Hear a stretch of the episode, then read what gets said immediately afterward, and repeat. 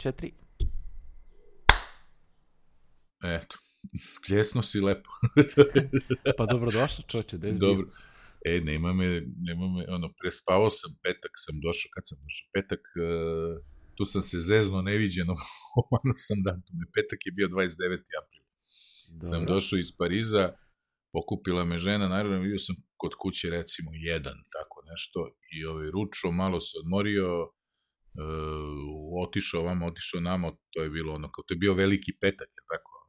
I onda bili, A, bili malo, ovaj, ovaj, došla mi i Keva i sestra kao da me vide i tako da ne idemo ja nigde i onda smo ujutru u ne znam, 4.15 sam usto da, ovaj, da, da idemo na aerodrom i čoveče, ustao sam, ušao sam u kupatilo, krenuo sam da se brijem i nestalo je struje u celom, znači ne u zgradi, nego posle sam čuo u celom kvartu i nestalo struje jedno pola sata i evo, ja onako, šta ću, idi nađi.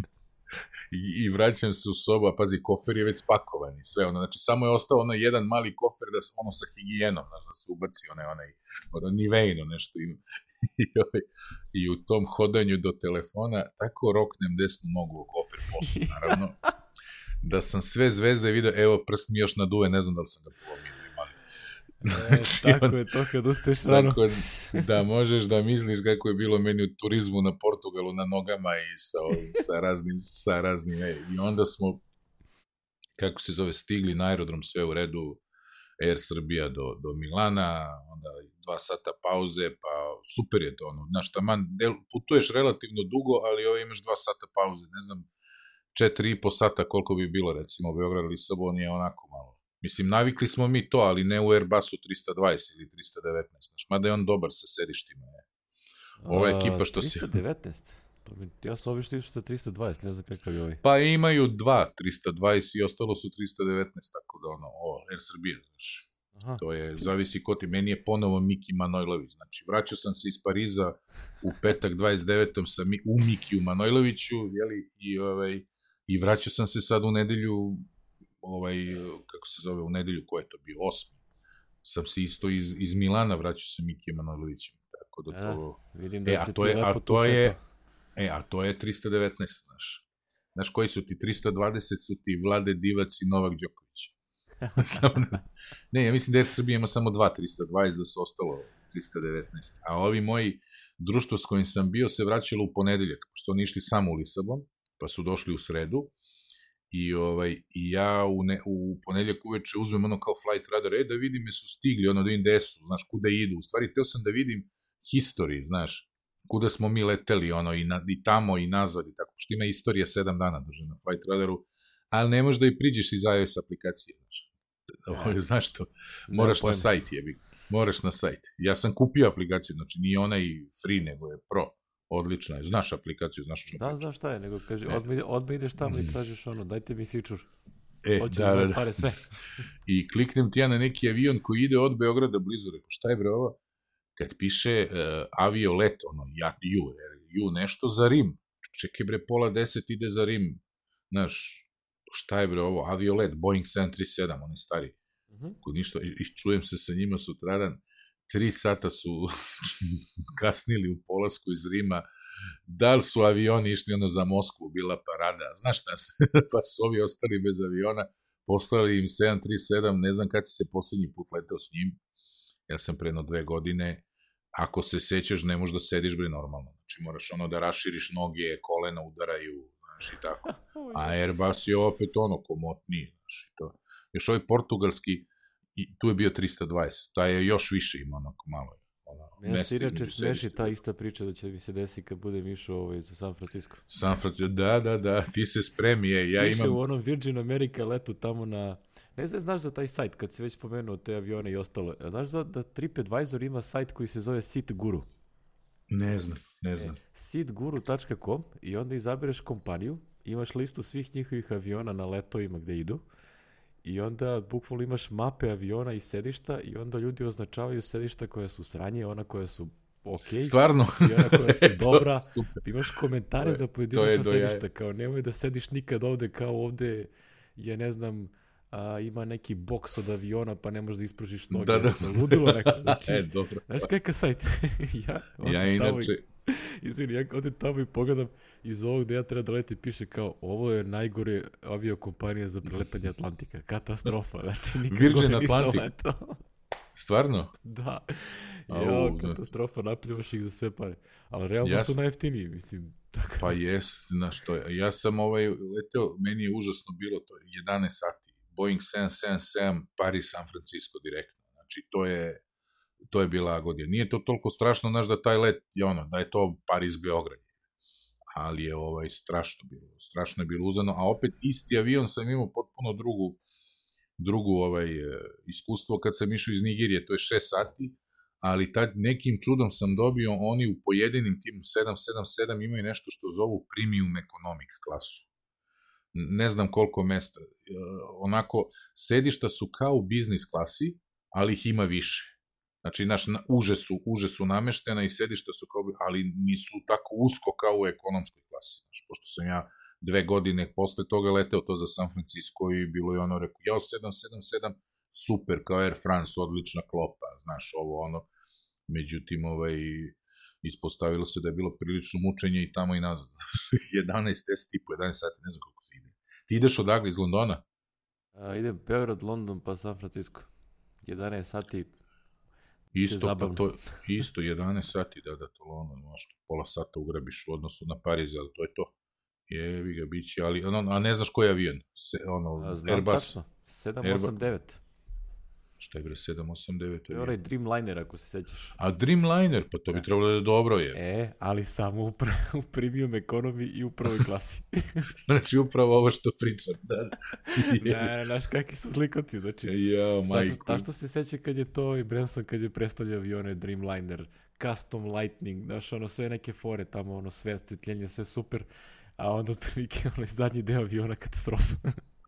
Ne znam, znaš, ja biram sedišta po onako, uzmem mapu, kad ne znam avion, onda uzmem mapu aviona unapred, ono, pre nego što se čekiram, probam da nađem raspored sedišta i gde je najbliža klonja, znaš, ja tu obično biram pozadi, znaš, ono, predzadnji red uz prolaz, to mi je favorit. Mada mi drug kaže, e, to ti je najgore za turbulencije, rekao, znaš šta, meni je moja bešika važnija uz turbulencija.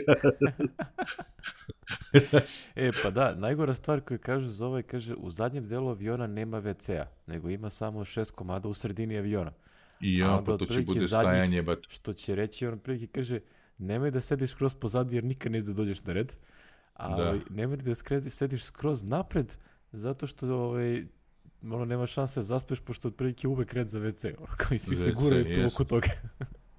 Ne, Znači, ja ono, sam, naš, dobro, for- WC pozadi je super, jer oni uglavnom i od pozadi u svim avionima krenu da služe, znaš, i onda kad služe nešto, lepo ti blokiraju put da ti imaš do WC-a, nema gužve, nema nikog i možeš uvek da odeš u WC, znaš, ali ovaj, kad je na sredini, to je, to je problem, muka problem kad ne znaš, to je, a zavisi od dužine, ali sad ti za 11 sati ići ćeš bar, bar, bar dva puta, jevi ga, nisi Vučić, evo te, ono, da, ti, da ti se dive mentalno i fizički što ne ideš u WC, jevi ga, to je, ne znam šta da ti kažem, to je, A znaš kako, ove, kad sam kupovao karte, prva ta, ta varijanta je bila 1200, prva sledeća je bila 2200. o, pa dobro, Istrp, Da za za 1000 1000 evra istrpeću. A ček, i- a si išao, ja koristim onaj, moj drug mi je provalio onaj Google Flights, ne, ne si koristio to? Ne, ne, ja koristim neki chip Air, ovaj, na njemu može se plati uh, Paypalom. Tako E, da pa dobro, Arčin to ti svoj, je. svoj Paypal nalog, To, ono, to ti je dokle god ima parica. Znaš šta sam video u Milanu, ovaj, automate na aerodromu, kao sitninu koja vam ostala u evrima pretvorite, prebacite na Paypal. Ono, bankomat, kao, znaš, majke mi, da ubaciš sitninu i ono, kao, u, po, napuniš svoj Paypal nalog. to zove strance. Ne? Ja Mislim, to, verovatno im uzmu neku proviziju debelu, ali ovaj, znaš, dobre, dobre fora je. nego ček da se vratimo, gde si ti to bio? Ja sam bio, e pa prvo sam bio u Parizu, je. ono, ne, od našeg prošlog snimanja, mi smo snimali pred moj put u Pariz, isto je bilo. Milan, Milan isto Grob Trotter. Pa da, išao sam u ponedeljak ujutru, koji je to bio, ako je petak 29. bi sad da ti otvorim ovaj iStats menu sa ovim ka, ka, koledarom, petak 25. april. Ponedeljak 25. april, e, sam krenuo ranom zorom za Pariđi, I ovaj, imali smo ponovljenu ovu reprizu Amerike, s tim što sam tu imao onaj, onaj, onaj problem, znaš, ono, ono što sam morao da se skucam u 45 minuta i uspeo sam nekako. Ovaj, I spasalo me tu isto što mi je kolega bio taj Čihab, Čehab, ne znam kako se čita, Tunižanin, inače otkrio sam da je Tunižanin, došao sa recimo 12 godina u Francusku, tako? Ovaj, Provalio si ga konačno. Da. Pa mislim ono iz priče, znaš, on mi je sam rekao. Znači, tu nisam, ono, zato što ono, loš mu je engleski, zato mi ne, jer ova, ova predavanja što sam ja držao su u stvari njegova, znaš. Mm -hmm. Ovaj, kako se zove, osim jednog ovog što je bilo od ovog drugog Jedrijana, to je opet klinac koji prvi put i, znaš, oni su se plašili da nešto, ja sam ti tu sad bio kao neki mentor, znaš, njemu i tako. I ovaj, kako se zove, I onda u priči, još smo izašli negde večer, pazi, izašao sam sa, sa 12 Francuza i ja na večeru u taj ponedeljak večer.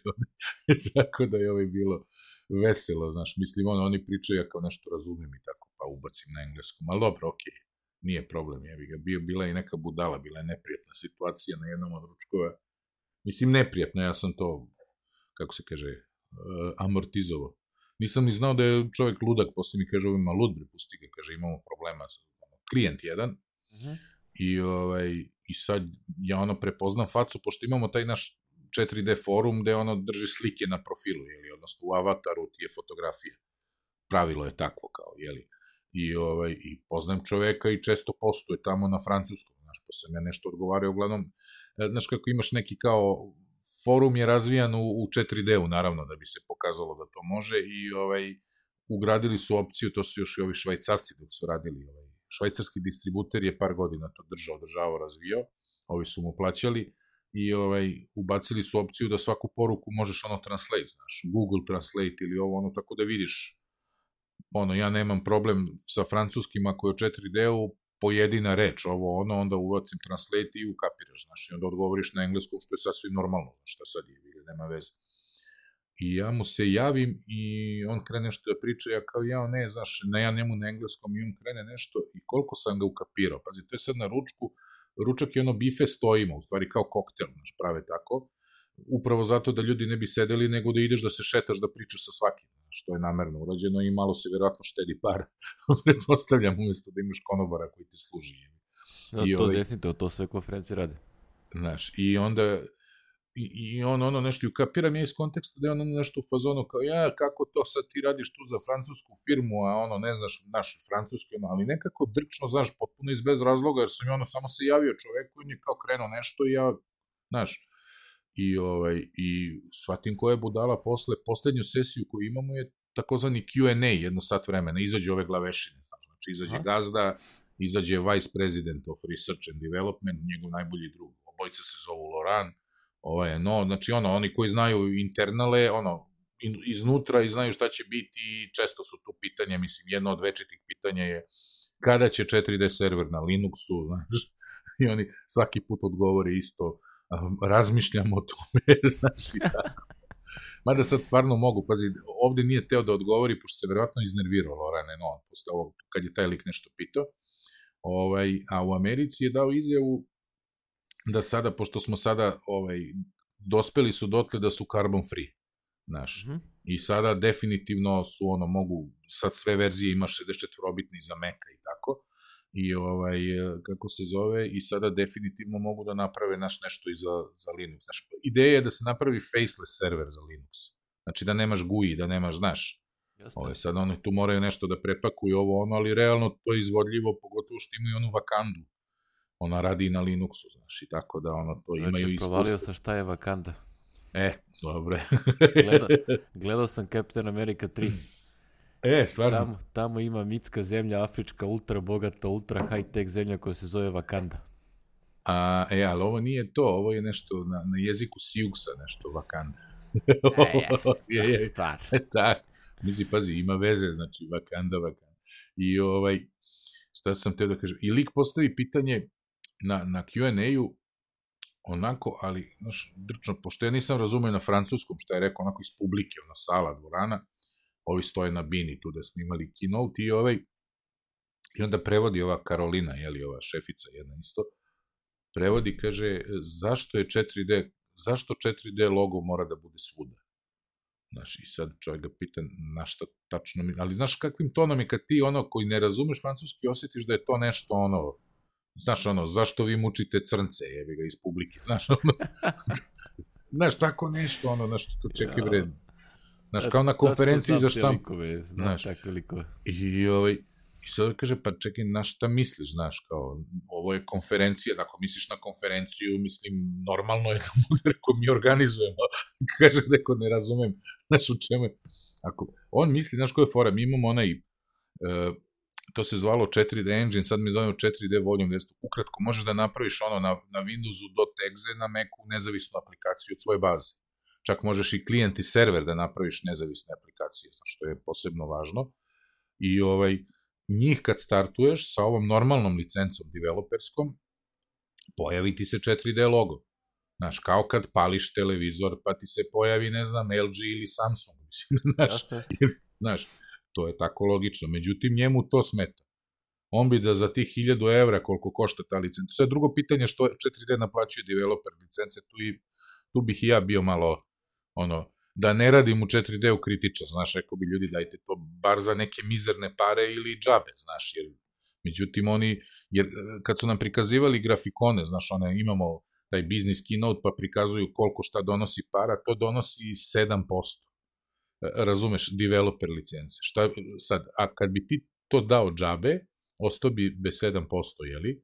Godinu ili dve, ali ja verujem da bi za 3-4 vratio na ovom drugom, razumeš, jer 7% je šta, ako ti dobiješ 100 novih developera u 4D-u, ti razumeš, zbog toga što je on besplatan, e, shvataš, ne? ali to je Loran, to je njegov fetiš, to on to neće da sluša uopšte. znaš da nis, nije on prvi put koji to pita i ljudi iznutra su mu to sugerisali, nije htio da nikada prihvati, znaš. Šta više drži to na soma evra, mislim da je ta licenca po po platformi. Znači, ako hoćeš i Mac i Windows, treba da se otvoriš dva soma za, samo za developer licence, što je malo... Mnogo Dobro, ti posle imaš unlimited, znaš, i onda uvuče ljude u one takozvani maintenance program, znaš, jer mi idemo po nekom ritmu da sad na svaka tri meseca izađe neki novi feature, sad, i to bi morao da objašnjam kao neku sesiju, ali ajde. Imamo takozvane, kako se zove, early releases. Imaš verziju 15 sada, i verziju 15R4 je trenutno aktuelna, izašla mašni pre neki dan. Verzija 15 ide svojim putem, verzija 15R4 ovaj, ide, hoće se javiš? Ne. Dobro, ne, ne, neće se. Verzija 15R4 ide, je u stvari buduća verzija 16. Znači, u njoj su već neki fičeri koji su planirani za verziju 16 ugrađeni i debugovani. Znači, od R1 do R4 isto postepeno stavljao nešto. Tako da kad dođe R5 i treba da izađe R6 tamo za 6 meseci, pošto to izlazi na svaka 3 meseca, ta R6 neće se zvati R6, nego će se zvati verzija 16. E, znaš, to, to je fora, tako da ide postepeno. I ti onda ako plaćaš maintenance godišnji, dobijaš sve to, ja mislim, upola cene čak i manje. Ako se registruješ kao OM, koji, jer ako ti imaš sad stotine deploymenta nezavisnih aplikacija. Ti pa praviš vertical market aplikaciju koju si prodao u 500 primjerka, pa ti se javi 4D-u i ispregovaraj cenu, znaš.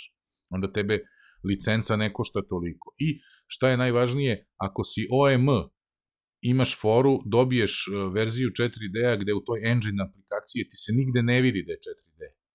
Znaš, ti kao OM sa OM licencom, nigde se ne vidi da je to što si ti pravio rađeno u 4D-u. Mislim, ja bih provalio, razumeš, neko iskusan bih provalio, bi provalio da je to rađeno u 4D, ali naš normalni korisnici ne bi ovaj, ne vide nigde logo i to, znaš, ali kažem ti takvi liko čudo, čudo nevesko. I tako, bilo super u Parizu.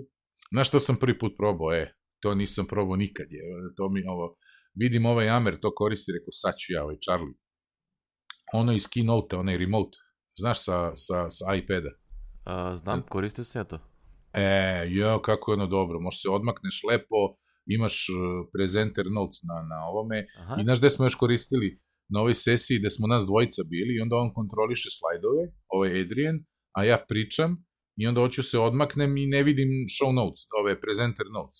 I onda lepo ja iPad u ruci, kako on promeni slajd, meni se promeni na iPadu, mnogo je dobro. Mnogo ne, je dobro. rekli, pravili, pravio to Apple za svoje executive. Za sebe, pa da, da, da, mnogo je dobro. Znači, to, to sam se ovaj, oduševio. Tako. Neko je uporan. Da. Ajde, javi se pa će, ono, Klijenti klijenti. nemaju razumevanje za snimanje emisije. Da, pa mene zove neko, e, pa izlazim na binu u Americi, u Portlandu još, izlazim na binu da držim ono, keynote tih pet minuta i ne znam gde mi je glava, znaš, ono, trema, sve ovo, ono, i meni vibrira telefon u džepu. I pogledam, i čovek koji zna da sam na putu, mislim, znaš, šta me zoveš, pošalji mi mail, mislim, zna, zna- znaš da proveravam mail svaki čas, znaš, ono, pošalji mi mail, da ću ti govoriti, ali eto, tako zaborave ljudi je. Tako, bio super Pariz i kažem ti, onda smo u petak, imali smo opet žurku u sredu uveče kao u Portlandu i ovde na Seni, ono, vozili nas brodom, Aha. što je ovih par amera što su prvi put to doživeli, ovaj, znaš, im je bilo onako baš šokantno i neverovatno je, znaš, ono, znaš, mi govorimo kao ono, glupi Ameri, glupi Ameri, mislim, većina njih nije znala da je ovaj da je kip slobode u Njujorku kopija, znaš, da je uvećana kopija onog što stoji na, na, na jednom ostrvu na Seni, znaš, ovo na, mnogo manje. Poklon francuski Americi. Da, da. I, ovaj, I bukvalno je svi ti brodići koji krenu, znaš, ovaj, na, na, na turu Senom, tu okreću kod kipa slobode. Znaš, oko tog ostrova se okrenu i vrate se. Znaš, nazad. Tako da ono, baš je rekao, ljudi ostanite da slikajte, to je, mislim, za vas ono, da znate, kakvu su vam poruku poslali Francuzi, je? to, je, to, to je fora. Inače smo po prvi put u Evropi imali onaj, kako se zove, da nam je summit bio u istom hotelu, znaš. Ovih proteklih godina je sve bilo u nekim specijalizovanim prostorima za konferencije, a spavamo u okolnim hotelima, mislim okolnim, u ovom jednom je bilo jedno 40 minuta peške jedno vreme, jednom, jedne godine, a ovaj drugi put je bilo u istom prostoru, ali je bilo, ovaj, hotel je bio na onom La Defensu, znači metro, 10 minuta metro, eto. I ovaj, a ovaj put je prvi put bilo ono u nije baš u centru, očigledno su štedeli pare i po prvi put je kritika, ja sretnem lika, taj lik što je organizovao prethodna tri samita u ovome je radio u 4D Jean Michel se zove, Jean Michel Biragi i čovjek je dao otkaz još pre trećeg, znači on je godinu dana pre trećeg, kad je prvi put bilo u tom fancy mestu, to je onaj George Sank ulica, znači dijagonal hotela, mogu, kraj je ono ubistveno skup, znaš. Mhm. Ja sam sledeće godine vodio ženu, kao, pošto nam je bilo ono 10 godina braka, a, ovaj, a ja sam romantična duša, ja sam moju dragu zaprosio na vrhu Eiffelovog tornja, inače, ako nisi znao, Jao. pazi, ona, lji- lji- najgore ona ljiga, da. pa misli, stvarno. I, ovaj, ej, onda rekao 10 godina, ja mi smo išli za jedan vikend u Parizi i, ovaj, i ja je vodio u taj restoran bukvalno iza ćoška, znači, bukvalno iza ćoška od, te, od tog mesta gde su ove, kako se zovu, gde smo imali taj summit tada, a Jean-Michel nas je tu vodio na ručak nas osam in, inter, iz internacionalnog jeli, sastava, nas je vodio tu kao oprošteni ručak, ovo ono, fancy restoran. I ovaj, ja rekao, taman, ono, povedem suprugu tu, ja rezervisao preko neta, sve ovo, ono, došli. Ručak za dvoje ti ono, bio jedno 130 vrića, ti kaže. Ali zato, je, pa, pazi, uzeo sam neki kao vozić, znaš, ono, da probaš sve, od svega pomalo, To pet jela volim. ide, e, pet jela ide i recimo od tih pet jela dva su ono nešto najlepše što sam u životu stavio u usta. Mi, bila je neka Da, da, čorba od, Hoće tako u Francuskoj. od čorba od jastoga, nešto, znači, ne mogu da ti opišem kako je bilo dobro. I to je. I imaju neki svoj suf, kako se zove, ono, sufle, sufle, ili ovaj, slatkariju na kraju, je tako? Pa, ima, ima nešto što se zove sufle sad, ne znam šta E, to, to. I ima neki njihov koji je čuveni specijalitet i to ti donosi u stvari kao šesto jelo, kao dezert uključeno u cenu. I ovaj, taj vozić je oko 55 evra, recimo, i bila je tu flaša vina, kafe, vode, znaš, ovo ono. I ovaj, mislim, espresso je jedno 5 evra bio, ali odličan. I ovaj, kako se zove, i mi onako nabokani posle onih pet jela i oni donose, ono se ceca okrenuta leđima konobaru, ovaj donosi, a on donosi nešto što sam ja na slici zamišljao kao ono, znaš kako ti donesu ono krem brule, ono malo, onako, malo, kao Nivea kremica mala, recimo, znaš, ono. Kakav A ovo je došlo sine, znači širine, ja ne znam, ono, ne mogu ti, kao, kao od širine kruga je kao limenka od Nescafe, znaš, ono, velika, pa jedno, pa jedno, ne znam, 7-8 cm u visinu, još ono viri onaj vrh. Ubili smo se. I, ovaj, e, Jean Michel je pravio te na samite i sad za vreme ručka čoveče, može ti da zamisliš ko je to, to će da se priča verovatno, tako da će sledeće godine će da poprave u Francuskoj ručak, a da nema vina. Nisu služili vino za ručak, znači to je, to je sine verovatno ono, ono, kako zove, jeres neviđena, neće im oprostiti. Kad su svi primetili, znaš, ovaj, Zlikovci. I, I ja ga zezam, ja mu baš priđem, ono, znaš, za ručkom i onako pričamo malo kako. On je otišao da živi dva sata vozom od, od Pariza u neko mesto, on napravio je firmu koja pravi, piše programe neki u 4D, neki. Našao je on, znaš, već, pošto ima gomilu klijenata, jeli, iz 4D-a, dobro mu ide, kaže čovek je, evo te, rentam stan u Parizu ili okolo Pariza, a ovde sam sada kupio kuću i tolika mi je rata. razumeš, živi u nekom, ne znam, nekoj Provansi tamo, znaš, ono, ima i vinograd i sve. A, pa to je, to je moj san. Razumeš, radi u tom nekom seocetu je uzeo ofis, ovi dolaze, znaš, tako, milina jedna i ovaj, rekao je ti lepo, kaže, u, super mi je, znači, živce sam odmorio, znaš, ono i tako. Inače, super lik, ja njega znam od, prvi put smo se videli 2003. u Santa Feu, verovo ili ne, on je, mi smo povezani posebnom vezom Znaš, posebna veza je, ja sam u firma u Španiji u kojoj sam ja radio se borila da postane, kako se kaže, distributer za Latinsku Ameriku, znaš. I to je bio čitav rad, zato se i ovaj Portugalac odvojio, pošto se on nadao da će da dobije, jer je kao već dobio Brazil, znaš. I ja sam otišao u Portu, inače ga nisam video, video sam njegovog burazera s kojim sam radio, to ću posle da ti pričam kako je bilo i to.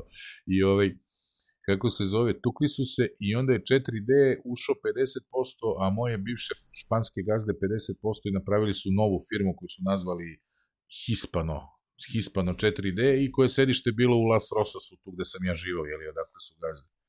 I onda ja kad sam ga video, u Santa Feu, ja na španskom mu kažem ono kako je u Las Rosas.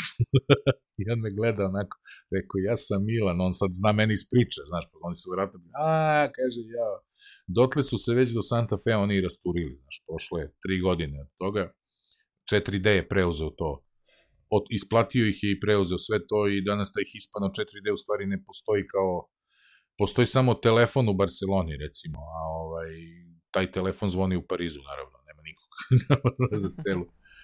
Hispano 4D u stvari drži ovaj moj kolega Angelo, Angelo, ili iz Kolumbije, on tamo ima jednu četvoricu, petoricu koji rade u Bogoti. Drže technical support i ovo oni onda i se javljaju nama i tako. Za ovo rest. To ti je moj Pariđi, znaš. A u Lisabon sam išao, u stvari nisam išao prvo u Lisabon, nego sam ja 30. smo sleteli, ne znam, u, dva, u pola dva recimo po, po portugalskom vremenu ili koji ono, I, I sin mi je prvi put bio ono, kako se kaže, zapadno od Grinica. Pošto je Lisabon na minus 8, jeli? ovaj, minus 8 zarez nešto. Ovaj. Stvarno? Oni imaju da, drugu da, da. time zonu? Oni su ista time zona kao UK. Pa da, što, Ko? što minus 8, za nije nula? Pa da, ali Lisabon je još levlje od Grinića, znači levlje od, kako ti kažem, zapadnije od Londona. Aha. to ti, to ti kažem, znači prvi put je prešao Greenwich liniju, nije ni znao. A, dobro, dobro. znaš, nije baš kao kad prelaziš ekvator, znaš, ali ovo, ipak je za njega, znaš, najzapadnije što je bio. I ovaj, kako se zove, e, i već sam rentirao auto napred, neki Peugeot sam kao teo, 308, karavan, Jeki od ovih drugara što su posle došli u Lisabon, teo sa ženom da ide, kaže, ja, jel možemo i mi s vama, to Braga, Sever, ovo, ono, pošto njoj ispriča šta hoćemo da vidimo, rekao, može, međutim, odustao u posljednjem trenutku, ima neki smrtni slučaj, šta li, pa nije nišao, tako da je meni ostao veliki auto. I došli smo i na aerodromu sam naravno odmah uzeo ovaj, meeting point je odmah pored Vodafonove radnje i ja sam utrčao, evo to i nek bude informacija za ove, imaju recimo da je nešto više od 10 giga, 10 evra 1 giga, 20 evra 2 giga i 5 giga je 30 evra i mesec dana, ja sam to uzeo karticu. I, ovaj, I nije mi bilo dosta, pričat ću ti posle zbog ovih drugih ljudi, meni bi bilo dosta, ali ovaj, da znaju ljudi kako da štede. Išli smo na neki izlet, znaš, u Evoru, I u busu ovaj jedan je, je morao, bavi se nešto trangi frangi uvoz izvoz i nešto nije telo na carinu da mu prođe i žena njegova ponela PC laptop sa sve USB čitačem za onu karticu za pošto oni carinu i ono sve prijavljuju, kao mi ove poreze i doprinose kroz onaj portal, i rekao, pa što to nosiš, što nisi uzeo e-banking neke banke treba, kaže, ma ne, ja to zbog carine i ovo, tako da ono, eto, Veso i Halkome, šta si nam uradio, evo te. Čovjek tegli u Portugal evo te USB čita da je potpuno 2016. godine, ljudi, majko moja, ali dobro, to je naša standardna muka. I čovjek kao, jel mogu u internet, ja mu dam password i da vam ovim okolo. Evo vam, kao šta ćemo, ono, personal hotspot, neki 5S sam uzao vlada, naš drug vlada iz Grčke, onaj Veljković, što smo imali epizodu, e, on mi je dao. I, ovaj, I ja im stavim i sad dok smo išli na tamo nije bio problem. Šta se desio? Bilo mi negde 4 giga sam recimo, pošto sam resetovo odmah čim sam ubacio karticu, rekao 4,1 je nešto, 4 giga je bilo, rekao, u super, meni je realno trebao net još sutradan, na primjer, to je bio četvrtak u petak, ono da mogu radim i ono subota i ono samo da bi se čekirao, jeli, da te nerviram, da mi ostane dovoljno. Na svarmu.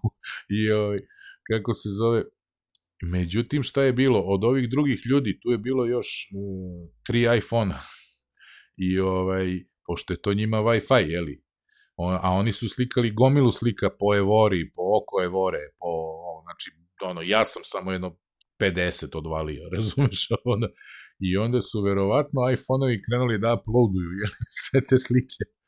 Pretpostavljam da je to. I mi došli do hotela, rekao, čoveče, da mi ode, dobijam ono poruku, kao potrošili ste 5 giga. Tako da ljudi pazite kad šerujte na to, ovaj, isključite sve one, sve one, one fotos nema, ništa nema u inostranstvu, moraš ručno to da hendluješ, inače nema šanse da, da, da, da spaseš. Znaš. Ja da, sam, da nisam dao, imao bi dovoljno za mene, sam ja poisključivo ono, uh, update aplikacija i šta je znam. Znaš. Mada, znaš, nije mi jasno, tu bi trebalo isto da te pita kao da si na celularu, znaš. Ja znam da je to njemu Wi-Fi, ali pošto zna da ide na personal hotspot, je li ima neka fora da, da, da ovaj, ajde ti mi reci, da ono, on zna da je na hotspotu mogo bi da limitira, da funkcioniše onaj switch isto kao na celularu. Znaš, da, ja da ne idu ove... ne znam, ne znam za način da tu išta ti limitiraš. Ne može, ja. Ja nemam pojma. Mislim, ono, ja iskreno ono kao razmišljam kad budem išao sad da će mi to trebati zato što i kad uzem tamo neki data only, a, ja to ono kad gledam koliko ovaj meri, koliko je potrošio, to su bre stotine megabajta dnevno. da. Ne, ne, odmah isključio ona aplikacija, ali znaš, ako budeš kačio iPad na, na recimo hotspot i, i računar isto, znaš, on, on, za njega je to Wi-Fi, on će da krene da radi Znam. sve, znaš, tako da moraš ručno se da isključuješ.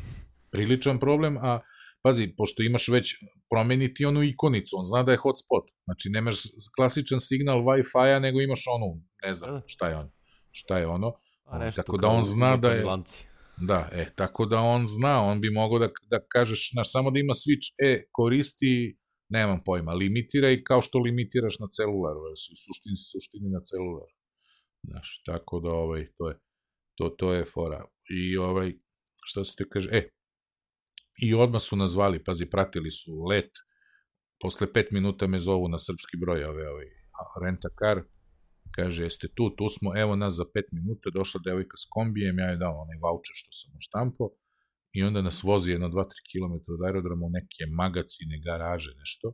S ulice uđeš u neki poslovni, znaš, vidiš da su garaže redom onako, njihova firma, potpisali papire, naravno, kad mi je rekla žena, kaže, sad ćemo da vam blokiramo 1900 evra, je rekao, prvo, na, ja sam rasporedio lovu na dve, tri kartice za svaki slučaj, rekao, prvo nemam ni na jednoj toliko, znaš, a kao drugo, nemoj bre, znaš, ti blokira, sad ti vratiš auto u sredu i recimo cele srede i pola četvrtka nemaš para, zato što nemam pojma, kod nas bank je praznik, ovo ono.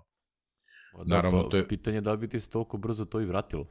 Pa naravno, i ovaj, I ja joj kažem, kaže ona, ma imamo mi drugo rešenje, naravno na koje svi pristanu, 18 evra dnevno kasku. Znaš, i od krađe i od svega, tako da ajde, to platiš besprovatno i blokirati još dodatnih 50 koje ti u principu uzmu. Zato što u Portugal imaš isto ono, ono, na autoputevima možeš plaćaš ručno, a imaš onaj po, uvek po dve trake, minimum dve trake za ove elektronske, znaš. Aha. I onda ti rentira uređaj ali uređaj recimo evro, evro i po, evro 1.6, evro i po plus PDV, valjda, tako nešto. Ovaj, dnevno iznajmljivanje ti tu lepe parice uzmu. Pomnoži zakon velikih brojeva svakog dana, pa puta broj automobila tog dana, puta evro nešto, jer svako će to da uzme ko ide.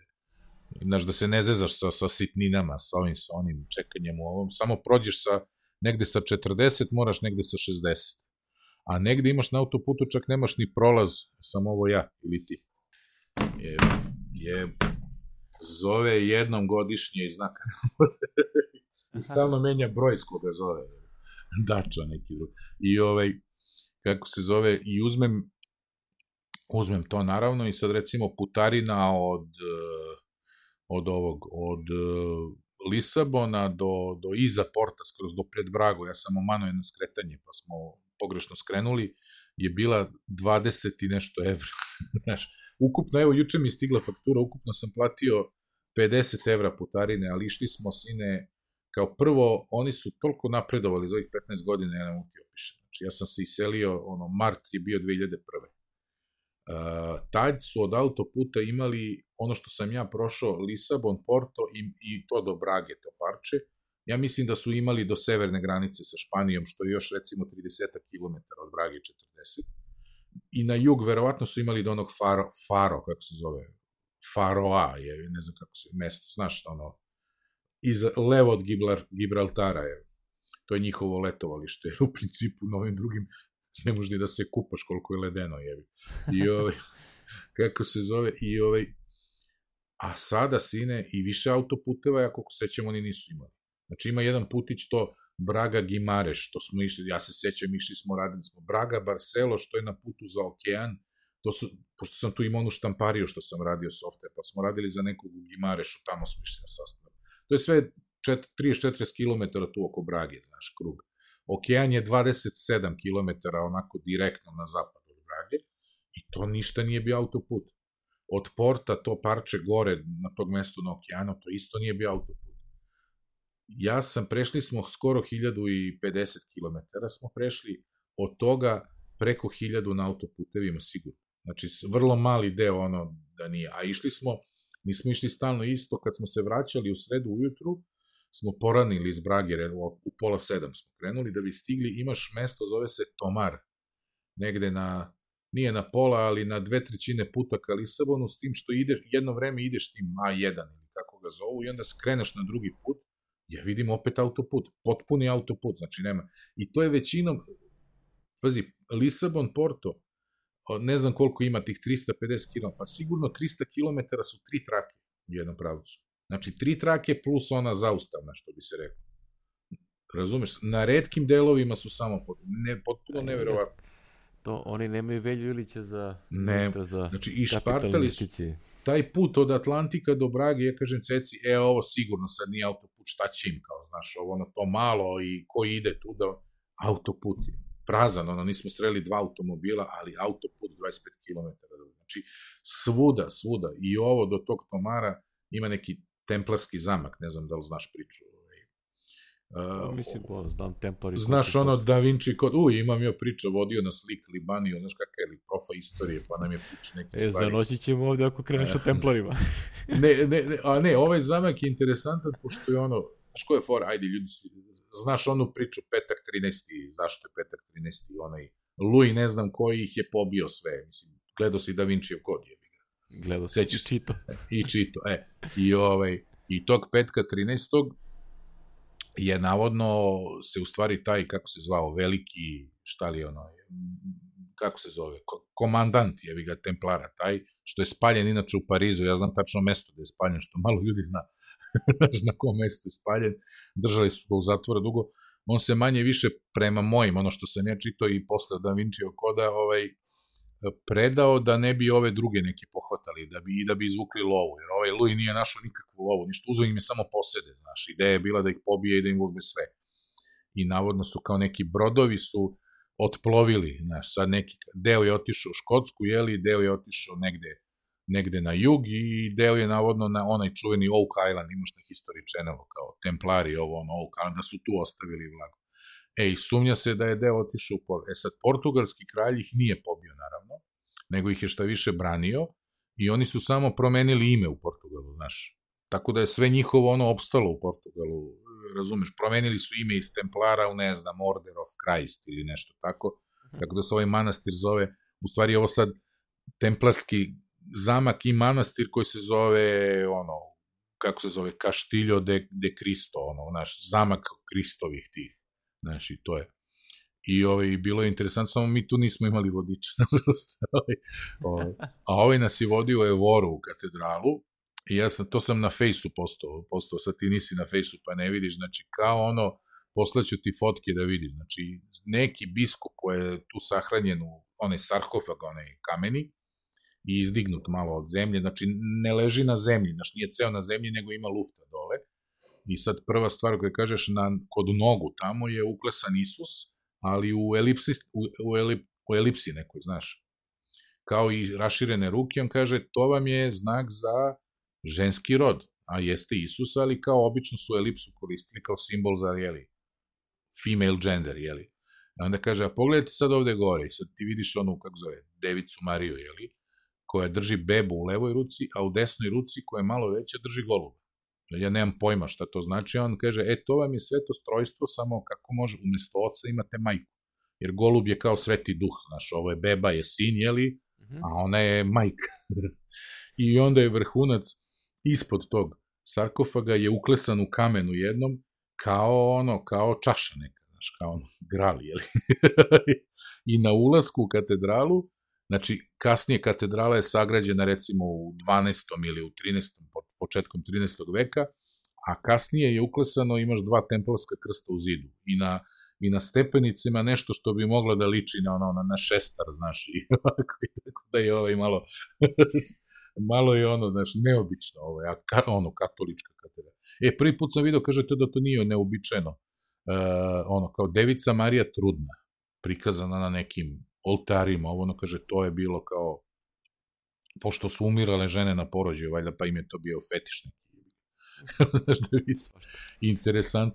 Svašta smo videli. Da, e, vidio sam i neke... Što ljudi daju, što ljudi dali deci ono ime Vuk ili nešto. Vu, e, e, to, to, to. To će da ga spasi. Pa, I išli smo pored Evore, imaš ono mali Stonehenge, gomila nekih menhira, dva mesta ima, jedno je manje, a jedno je već, ima oko stotinak tih kamenova, onako je, znaš, ko Obelix, kad, ono što nosi na leđima, je bukvalno to, ovaj, i onako pobodeni u zemlju i stoje nešto u pravcu, ono, istog-zapad, znaš, i tako, ono, i strašno interesantno, tako da, ovaj, ne znam šta ti kažem, mnogo je lepo bilo. posle po Lisabonu i tako, kiša padala jedan dan, ubila nas. To je, to je to, eto tu sam bio, tu sam bio. Vratio se u nedelju uveče u, u 12. E, zvao sam one neke prevoz do aerodroma, ono, hiljadu i po dinara, dvoje odraslih i deca, jedno dete, znaš, tako da ne imaš i tu foru. zvao si? Uh, na netu sam, nisam ih zvao, nego sam na netu, na formularu naručio i javili se ljudi posle par sati mailom kaže čeka vas auto, ovaj, javit će vam se neko, samo ovaj telefon što ste ostavili neka bude uključen, mhm. -huh. ovaj, pratili su, ali su se zeznuli, e, mislili su da avion kasti, oni su gledali neki drugi, rekao, ljudi, Milano sam vam rekao, Milano U545, ali dobro, nije toliko strašno. Mhm. -huh. Ovaj, Pa nešto mene nervira ono, ono kad krenu me oni taksisti, a sad je postalo i gore kad se popneš je postalo agonija, jer ovi što ostanu, taksisti što ostave nekog, bar još 20 minuta kruže, ono ne bili ulovili nekog, daš gore. Ovaj, tako da ono, jedan je čak viko, ajde u pola cene, u, u odnosu na šta? u odnosu na šest puta da, veću cenu. da, da, u odnosu na, što kaže velik što smo bili u Lisabonu, kaže, radi sa strancima, taj što ima trangi frangi firmu, kaže, jao, mene sramota, kad dolaze kod njega u Višnjičkoj banji, valjda ima firmu. Kaže, pa mu pričaju šveđani, priče kako im je taksi bio 60-70 evra do Višnjičke banje. Znači, kaže njega, kaže, mene sramota, što da im kaže. Eto, to je. to je. Ćemo da počnemo sada, je. E da, dobar dan, dragi slušalci. Mi ovo snimamo, a umeđu vremenu smo rešili, u, u delovima u koje ćemo iseći, jeli, smo rešili da, ovaj, da, da ovo ipak ide kao pre-show, po prvi put, po prvi put u istoriji Srbije imamo pre-show. Ajde. putešestio, pazi, kad mm. sastaviš ono od prošli put, znači, iz Amerike, pa ove, Portland, Beograd, Pariz, Beograd, Portugal. sine, ne želim da putujem sledeći, ej, a idem, idem za Klagenfurt jedan vikend, ali za mesec dana. Ima, ima, ima se vremena. Tamo da se naspoš, da a? Jao, e, znaš šta mi je najveća želja bila u nedelju? Znači, cele nedelje mi je želja, još stojim s tim naduvenim prstom. Onako, sve me boli kad dođeš uveče u hotel, a onda imaš ono, imali, imali smo stalno neke večere, nešto, ono, ne mogu ti opiš, pogotovo u Lisabonu. I ono, ja, najveća ti je želja samo da dignem noge, ne da spavam, samo da dignem noge pola sata. I onda rekao, ceo ponedeljak sam proveo, jeli, ponedeljak 9. maj sam proveo u dnevnoj sobi ležeći na trosedu s nogama gore, sin u školi, žena na poslu, a ja uživam laptop na grudima onako da proverim da li ima neke frke na poslu i tako. To je ovaj to, tako sam proveo. Ajde sad hoćemo da tapšnemo, šta ćemo pa da ti kažeš ovaj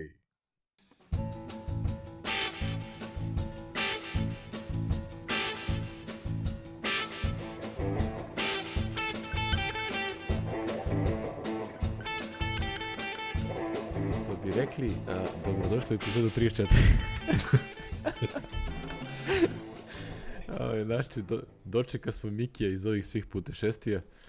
Ovaj, tako da konačno si se vratio, pa ćemo valjda sad da, da sastavimo dve epizode do dva nedelja. Će biti ja se, ja se nadam da, da, da može. A onda ću ja da idem, haha. E, onda ti ideš, što je naš prvi follow-up? Jeste, dobio Alek, sam kartu za VVDC. definitivno ide na VVDC, tako da ćemo imati specijalnog izvesta. Hoće ti da mikrofon da nosiš tamo da intervjušiš ljude? Čekaj, će se snađem. Imam, imam onaj mali audio, kako ono što sam teglio ovo za Paris neuspešno. Vidjet ću šta ću da nosim, iskren da budem ono kao sad. U prvom trenutku sam mislio da ću da nosim pola kofera, ono samo odavde, pa ću da znam kako ću da ga vratim. A Aha. sad nešto razmišljam da idem ultra light. Znači ono, totalno light i da onda otprilike tamo kupim ako mi nešto treba. to jest, šta mi je, ja, dakle, a, ja zamalo da ne odem na ovo čudo, iako sam dobio ovaj, u onaj blaženi petak tamo sve vremeno, sam dobio obaveštenje, ono, budim se ja, pogledam mail, piše, we have good news, you have been randomly selected uh, for the Dub Dub 2016 uh, lottery. Ja kao, holy fuck yeah! I kao u narednih, ne znam, par dana će da vam se desi charge na kartici i kao proći će, ovaj, i super. I ja ono kao čekam, čekam, prođe ponedeljak uveče, ono zadnji dan kad je bilo da treba da naplate i ništa. Ti majkum. A dobilo su još dva momka iz uh, ono koje sa ovog uh, iz IS The Community koje znam odavde iz Novog Sada i uh, jedan, jednom su naplatili odmah i pojavila mu se karta tamo u developer account, ono piše VVDC, on, imaš, pojavi se tab koji se zove events i piše ti VVDC. To znam da se pojavlja, ja to imao ranije za Tech Talks kad idem. I ja kao super, znaš. A ovaj drugi je dobio mail kao thank you for your order, ali nikako da mu naplate. A i ne pojavljuje me se ta karta. A ja nisam dobio ni taj mail. Znači, ništa. znači, sve onog originalnog dobili ste kartu, ono, ništa drugo nije, nije se pojavilo. Ja kao otprilike, već sam u frci kao da nije prošla, ono, probali uplatu, pa nije prošla uplata. A imao sam problema sa Credit bankom, ovaj, da, pošto oni ne znaju da promene limit, da to traje, ono, da bude trajno da se promeni limit na kartici. I ja onda ovaj, otišao nešto s brda s dola da to produžavam, pa ne znam da li su to oni to aktivirali, pa sam ih jurio da provere da li a, je uopšte pokušana transakcija, pošto ja to ne vidim, pokušane transakcije ti ne vidiš. Ono, kad gledaš, ne znam, ovaj, izvešte se kartice. I ja onda povjerim njihovo odeljenje kao dajte, ovo mi je jako bitno da mi kažete da li je uopšte pokušana transakcija. I ovaj, oni pregledaju kaže nije. Od Apple-a nema ništa. Daju mi ceo spisak ko, svih ono pokušaju da se kartica koristi. I ja rekao, upa, dobro. Onda je nešto kod ovih. I ja odmah šaljem uh, mail na VVDC tamo na support i oni kažu, javi mi se brat uh, Romarik iz Irske, kaže, brat Tirac, kao, we are aware of the issues uh, and I will let you know as soon as our operations team returns to me. I ja ono kao, dobro. Prođe dva dana, ništa. Ja opet, brat Tirac, e, kao, nešto se dešava, kaže, ja razumem da si ti nestrpljiv, ali čim dobijem nešto, ja ću ti javiti. znači, ono, tako vjerojatno, a ja ne znam koliko on vjerojatno hendluje takvi slučajeva, znači, ono. Da, e, a koliko je, inače, koliko ti skidaju 1000, 1600 dolara. 1600, toliko je ova, kako Da, što bi rekli, 1599. kotizacija, da, kotizacija. E, ja sad, ovaj, ok, kartica kao, ne znam ni da li radi ili ne radi. I onda posle nekih, prošlo boga mi još 5 dana, ja, a ja sam već kupio karte avionske, koje su non-refundable. A srećom na, na Airbnb-u sa dva puta jurio neke likove tamo, nisu mi odgovorili, tako da tu sam ono, kod plike nisam, nisam, ono, nisam potrošio ništa para, ali već sam kupio avionske karte, 1200 dolara. I ja ono, plike, holy shit, ono kao već počeo se oprostim od tih para, pošto ono, non-refundable, šta da se radi. Ove, i posle 5 dana me zove isti taj Irac, ono, ja tamo sve u fresh cup, ono, raspakujem računar i sve, i zove me Irac nešto tipu ujutro. A, dobar dan ovde, a vidim to što disk je rekao ovo je garant Apple. I zove me čovjek i kaže, a, evo pokušat ćemo još jednom da naplatimo ovako preko telefona, pa ako to ne uspe, ovaj, nažalost morat ćemo vašu kartu da damo nekom drugom. I ja ono, ček, ček, ček, brate, polako. znači, nemoj da se žuriš. I a, sad se tu ispostavila fantastična stvar. A, on ima neki softver preko kog gde on ukucava broj kartice koji si ti ostavio pre registracije. A, I on čovjek krene da ukucava, ja, ono, ja podatke o tebi preuzima iz developer accounta gde meni piše Srbija. I on preuzme Srbija, ukuca tamo i kaže, e sad ja treba da izaberem region, ali za Srbiju nema regiona. I onda ne mogu da nastavim dalje naplatu. I ono gledam kao uopšte ne razumijem čemu priča. Kaže, ali imamo iskustva sa vašom zemljom, pa ako obično se sve prođe ako stavimo da je zemlja Rumunija. Ja rekao, je baš divno. Baš ti hvala. ja rekao, ali ako da li će moja kartica, to je banka da prihvati, pošto billing adresa potpuno leo. I rekao, može mi da promenimo drugu karticu sa vize da pređe na Amex, pošto znam da Amex ono te, te stvari ono kao guta bez problema. Ako ima para, on ti pusti da prođe transakcije i baš te briga. Baš ih briga.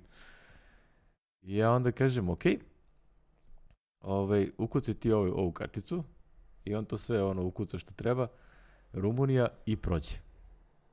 I meni stigne račun, moja adresa ovde u Beogradu, 11.070, ono, Novi Beograd, region ZZ, a, zemlja Rumunija. I kod Ameksa to sve prošlo. znači, ono, kad kaže, ja taj Amex držim isključivo za ove ovakve stvari, pošto to svuda prolazi, to je neverovatno. Znači, oni su mnogo manje restriktivni nego recimo Visa i Mastercard, koji ono proveravaju billing adresu, ono baš dosta. I a, šta, se, šta je sad moja tu prepostavka, šta se dešava? A, on, nama je verovatno ranije, kad smo bili Jugoslavija, ostalo da se za naplate iz Jugoslavije da se treba da se unosi region. I onda kad su oni prešaltali to na Srbija, ostao je neki flag da treba region, a nema definisanih regiona za Srbiju. Jer on kaže, ja kad izaberem Rumuniju, onda imam generic region kao opciju. To izabere i onda transakcija prođe dalje. To je bukvalno, znači, neki flag tamo u bazi negde koji kaže, ono, Srbiju ne trebaju regioni. znači, ono, možda zavisliš. A to se unazad dve, tri godine dešava, ono, kao masi ljudi koji produžavaju a, onaj developer account. I meni se desilo par puta, znači nekad prođe, a nekad mi dođe ono kao morate da pošaljete formu ono na formularu podatke o kartici pa ćemo mi to da naplatimo tako. I sad, ono, ja odem i pogledam moje invoice koje sam dobio od njih za prethodne dve godine za developer program. I na onom iz 2014. piše a, a, a, a, zemlja je a, Jugoslavija, a na ovom iz 2015. piše međunarodne vode. znači, neko tamo ko je krenuo da naplaćuje, je Samo da za prođe, Srb- jebi ga, da, da. Da, za Srbiju ne može, on stavio međunarodne vode i tu prođe. Dobro. Apsolutno mi ono, fantastično.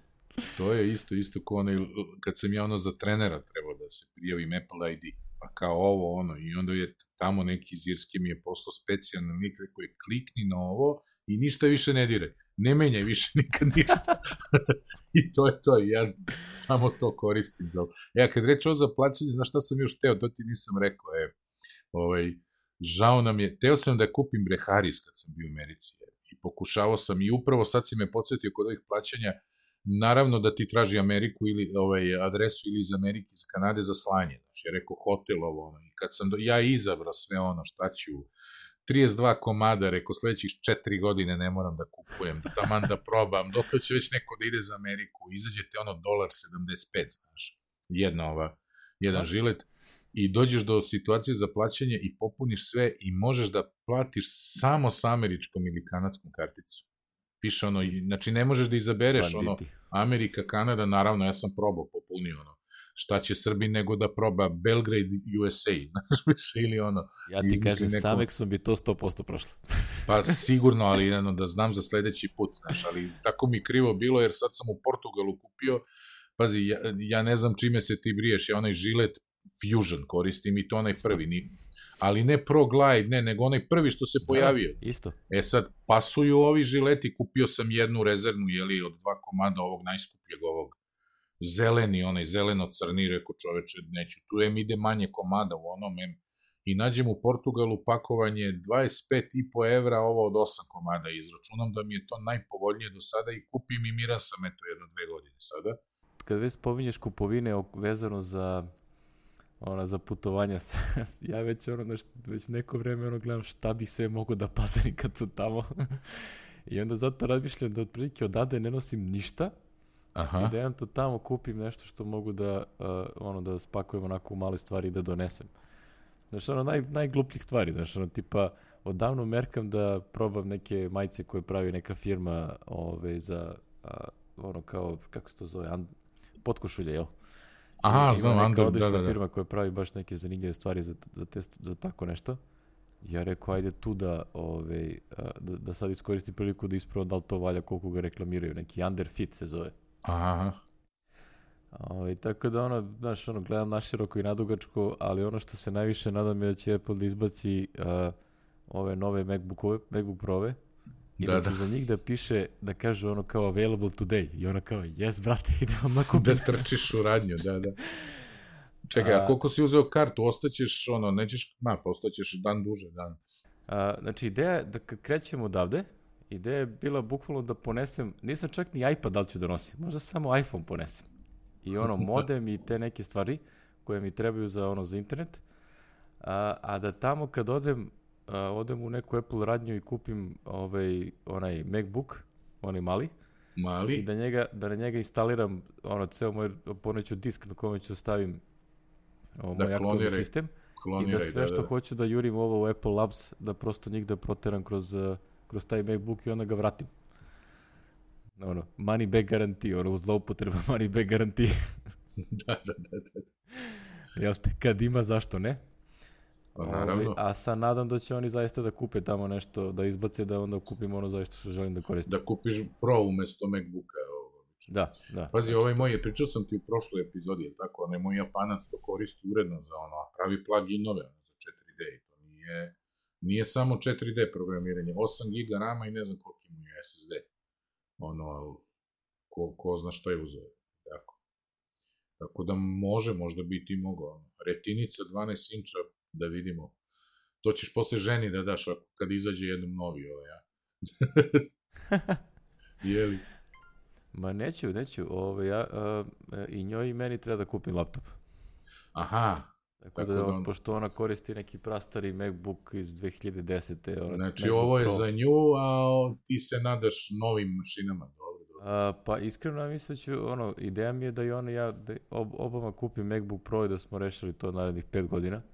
Da ste mirni. Što da. ona će takođe da se bavi ono istim mojim što ja radim. A njoj Aha. treba i Windows mašina onako ozbiljna, tako da se ja znam kao tebi ću kupiti jači laptop nego meni. što tebi ono njoj stalno treba da nešto radi u Windowsu, pošto ona se bavi ono backend sistemima. Ono pravi recimo a, web servise na .NET-u i iOS-u i tako dalje. I onda ono, njoj, isto, njoj to suštini treba da možda te rad, a sad treba to se svičuje između ono kroz bootcamp što to traje 100 godina na tom prastarom računaru. Da. To je. Tako da ima tih raznih ovaj, zezancija. A, trenutno mi je najveća muka gde ću da spavam, pošto ove, ne znam. hoteli u San Francisco su jebem ti sunce. Znači, to je nezdravo potpuno. Znači, Mogu ono, čak i Airbnb je sumanuto skup. Znači, ono je tipa 6-7 puta skuplji po, za noć u odnosu na, recimo, Berlin ili London. Da, da, da. Znači, nehumano koliko to košta. Ove, a, trenutno na Booking.comu imam pet rezervisanih hotela. ono, od a, 1000 dolara do 3000 dolara. da, to je baš I onda bukvalno, našao sam neki a, hotel koji ima, a, zove se Mission 1906, koji ima a, ono, sobe sa deljenim kupatilom, a, što onako zvuči ono prilike ofrlje. Mm. Međutim, ocene na, na Booking.comu su je 9,1 od 10. Idi. To je superlativ ocena. Znači, ono, ne, neverovatno. Znači, ono, komentara ima na stotine gde ljudi su potpuno oduševljeni kako oni to održavaju, koliko je čisto, a, kupatilo je ono u odličnom stanju. Znači, ono, potpuno neverovatno zvuči, znaš. Tako da, a to ti je manje više ono kao varijanta kao kad si negde na Airbnb-u pa deliš kupatilo sa... Deliš kupatilo, da. Sa, sa gazdom. već sa gazdom. Oni iznajmljuješ sobu praktično. Tako da nije mi to strano, ovaj, što bi rekli, idemo ono, studentski momački, jel? varijanta hostela. Ali hostel kao ima dve zvezdice, pa je, pa je jeftin u tom nekom kraju koje, pa ta Mission Street gde se nalazi onako prilike uveče prepuno ovih uh, beskućnika. On ima par komentara, piše onako, malo je sketchy street, ono kao in the dark. Ali kaže, ako idete onom drugom ulicom paralelno sa njom, tu nema skoro nikoga i onda tu je firo da se prođe. tu možete da prođete, da. A pazi, ono, generalno tamo gde god se, gde god se gledao ove, za, za te hotele, kaže, ako nisi, ne znam, ono, ako si u ulici koja je, ne znam, sed, ono, četvrta ulica je u redu, već šesta ulica je ono kao katastrofa. A to je razlika 200 metara. 200 metara, da, da, da. Kao potpuno lud grad, ono. Tako da idem, verovatno ću na kraju da, da izaberem ovaj mission, ovaj hotel, pa ovaj, budem tamo, ovaj, vidjet ćemo kako ćemo da se organizujemo ako ne iskuči nešto baš vanredno dobro. Ono što je dobro za te hotele je što možda ih otkažeš za džabe tipa do negde 8. juna. A ja 11. idem tamo. Idem 11. konferencije 13. do 17. i onda ostaje na 19. u San Francisco, pa ću onda da idem kod, da se vratim preko New Yorka, pošto mi je sestra tamo. Sestra ostrica, pa idem dva dana tamo i onda nastavljam za Beograd. Tako da ono, bit će zanimljivo putešestvije, što bi rekli. Mislim, po svoj prilici će ovaj, na kraju ispasti da ako nešto budem naručivo, možda odem naručim na sestru, pa onda pokupim kod nje tamo. Ona da ti pošalje na pokupim hotel. Da... i to je to. Aha, a, a šta, ostajećeš kod nje? Nastavljat ćeš, bit ćeš malo... Da, da, pa sad sam rekao, jedan bit će jedno dva, tri dana u Njurku, pa e, onda se vraća u Beograd. Super, super, taman da vidiš ono... Mislim, moraš zove kao kad ćeš da dođeš, ono, da, da vidiš dok sam ja tu još. I ja rekao, ovaj, nemam pojma, znaš, evo sad ovo je ispalo tako da, da iskoristim priliku. Odlično, odlično. Vidjet ćeš i Nueva York. Da, da, no, nešto je... malo da se promovamo, što bi rekli, ono. Pa malo do Times Square-a. Times Square i ono, tu imaš njima lepo konferencija, svi konferencija je potpuno ludilo, znači ono, jedva čekam u suštini da, da idem da vidim atmosferu, celu tu priču, ovaj, a, keynote i sve to. Ono da kažem, bio sam jednom, pa sad kada ću ići ko, još koji put ko zna, ali jednom sam bio. Mislim, generalno je ono fantastično skupa investicija, znači ono, a, srećem, yes. ono, toliko sam tezgi odradio od septembra prošle godine do sada da, da je ostalo para da mogu ovo da si priuštim, ali inače je stvarno nehumano skupo. Znači, ono, pa put, do, do, do mere da otprilike Amerikanci svi kukaju da ono kao je San Francisco za hotele postao skuplji nego Manhattan. Što je otprilike mm. Manhattan uvijek bio najskuplji u Americi. Tamo, yes. znaš, što kaže John Gruber, tamo i treba da bude skupo. da. Da, znaš. A ono kao da ješ u San Francisco downtown i onda ono, znaš, na Manhattanu nema tih beskućnika, ono, nešto tipa, kaže ovde ispred nekog hotela komentar, kaže ovde kada biste ušli u hotel treba prođete jedno 20 beskućnika koji sede ono kao na, na stepenicama, da ih da, preskočite. Da, da. Znaš, onda to, pa i taj hotel te košta 250 dolara. si mama. Ne? I u Njorku ti nije baš, znaš, treba ulica koja, gde si, kako. Mene bre, iza, za, to nisam pričao, 79. kad sam bio prvi put, bio sam klinac 14 godina, 15 koliko sam imao. I ovaj, kako se, evo ne, to je bilo kasnije, izvini, 86. 86, 79. ne, nisam, nisam imao taj susret. 86. sam išao sa sestrom u Kanadu prvo i onda Čale mi je bio pilot, znaš, i onda nas on čeka u Njurku i mi smo došli s Toronto u Njurk i bili s njim tu jedno, dva, tri dana i dan kad treba da letimo popodne, je li on lego da spava prepodne, pošto ili čovjek treba da vozi avion 12 sati posle, znaš, dok ćemo mi da spavamo pozadi, on će da, da blene, jeli, ono, pre, nad Atlantikom i tako. I ovaj, I onda sestra ja kao, ajde izađemo nekom dremne na 2-3 sata, pa ćemo mi da dođemo, da idemo na aerodrom i ovaj, cunjamo mi tako i izađemo u park iza ove njurške biblioteke, one u Petoj aveni. Ono, poznate iz čuvenog filma Ghostbusters, ako se, ako se sećaš. I, ovaj, I tu prilazimo, znači, sa zadnje strane i idemo, mali je parkić, relativno mali, ima neki kao, bile su ono kafići da se sedi, šta ja znam, i sad skrenjemo levo da izađemo na petu aveniju sa strane od biblioteke i onako četiri, pet crnaca sa, ja vidim ove jedan nema i bejsbol palicu i, ovaj, i priđe čovek i kao ono smoke, znaš. Ja rekao, hoće cigaru, kao ono, kažem, sestri na, srpskom i on tu provali da smo stranci, znaš, ovo ono ja mu dam neki Winston, on uzme, kao može dve, rekao, može, nosi i, i prođemo, ali nije bilo prijatno. Možda da nismo bili stranci bi bilo još i daj neki dinar i to, znaš, kao jebi ga. I tako. Tako da ono, nije, nije baš ni tu, znaš, ono, moraš da, eto, to, pazi, Petave nije to ti ono, strogi centar, jeli, nema, nema tu zezanja, ali eto. A da, ona pogotovo, Apple-ova radnja. Pa, tu je, tu je, da. I stanje Avenue Store. to je, ništa o, o tome šta očekujemo na VVDC-u ćemo za dve nedelje, recimo. A? O, da, prilike, da pričamo, tad da, da, da, svi, svi rumori da, da, da istrče da. napolje. Pa, da, pa ćemo da vidimo da li ćeš da kupuješ ili nećeš nove mašine i tako. I A, to je. Zlikoci. I, Biće najgore ako kažu available end of June ili tako nešto. O, da, da, to je ono. znači ono kao grrr. Užas. Sad ste me prešli. To je ko ja da. kad sam išao, znaš, kad ono iPhone, uglavnom ono nije bilo ovog da se kupi glavnog, jeli, ko je tad izašao, nema kao ne, ne, ne, to ono redovi ispred, a 5S i mogu da kupiš odmah, znaš. Tako i ovo. I onda ga kupim posle u Parizu. Ista je bila fora za peticu. Bio sam u Americi, nije mogla da se kupi, onda sam je kupio skuplje par meseci, ono, tri nedelje kasnije u Parizu, bez problema, ono.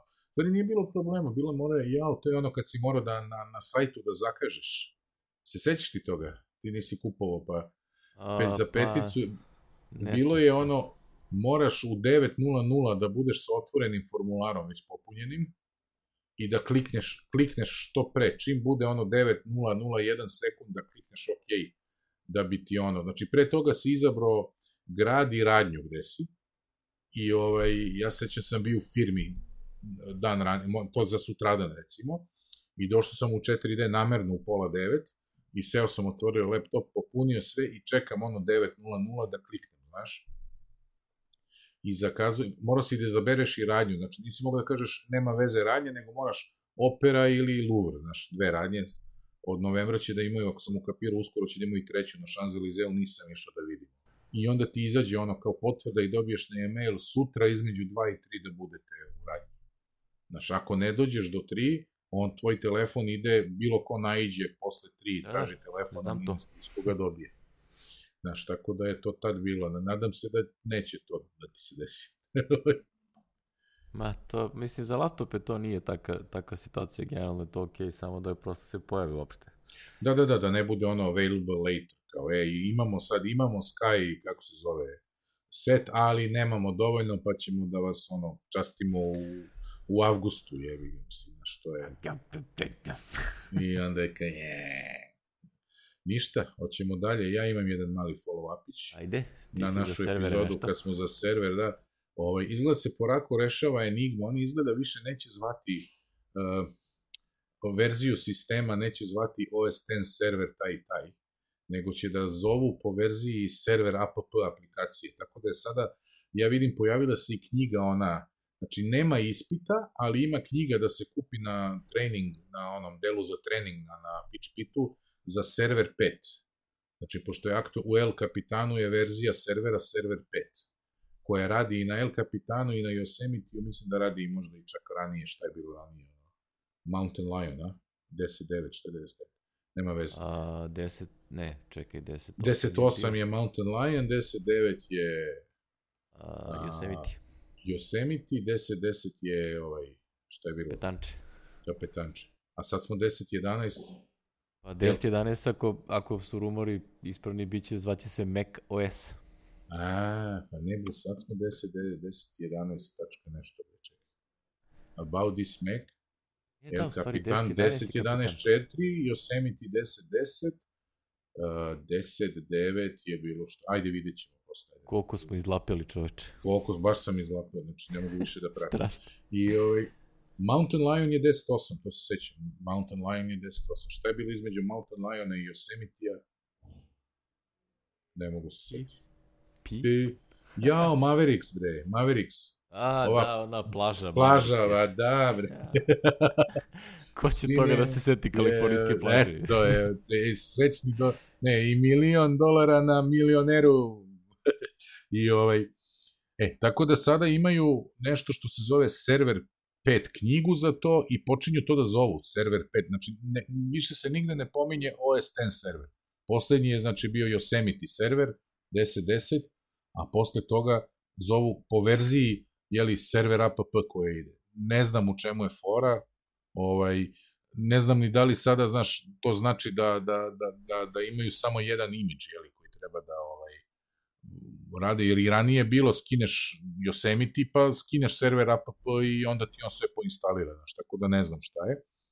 Uglavnom, moj follow-up je da, sećate se da kad smo pričali o emisiji o serveru, a i ranije smo pominjali da od posle Liona, znači Mountain Lion i na ovamo nema, nemate webmail uopšte u ovom ranije sve to dolazilo u serveru preinstalirano, sad ga nema, tako da ima firma Topic Desk, Topic Desk koja je fenomenalna sa svojim tim dodacima koji ima, e, on je izbacio recimo pre neki dan uh, Round Cube installer za server 5, tako da sada imate sve spakovano. Taj Round Cube installer je mnogo dobar, jer ovaj, sve vam već podesi, i one sieve filtere za out of office, znači sve, sve, sve već podesi, uh, radi fenomenalno i sa ovim CarDAV serverom, znači address book serverom u OS X serveru, radi fantastično, tako da možete da delite kontakte i u web mailu na, na OS X serveru.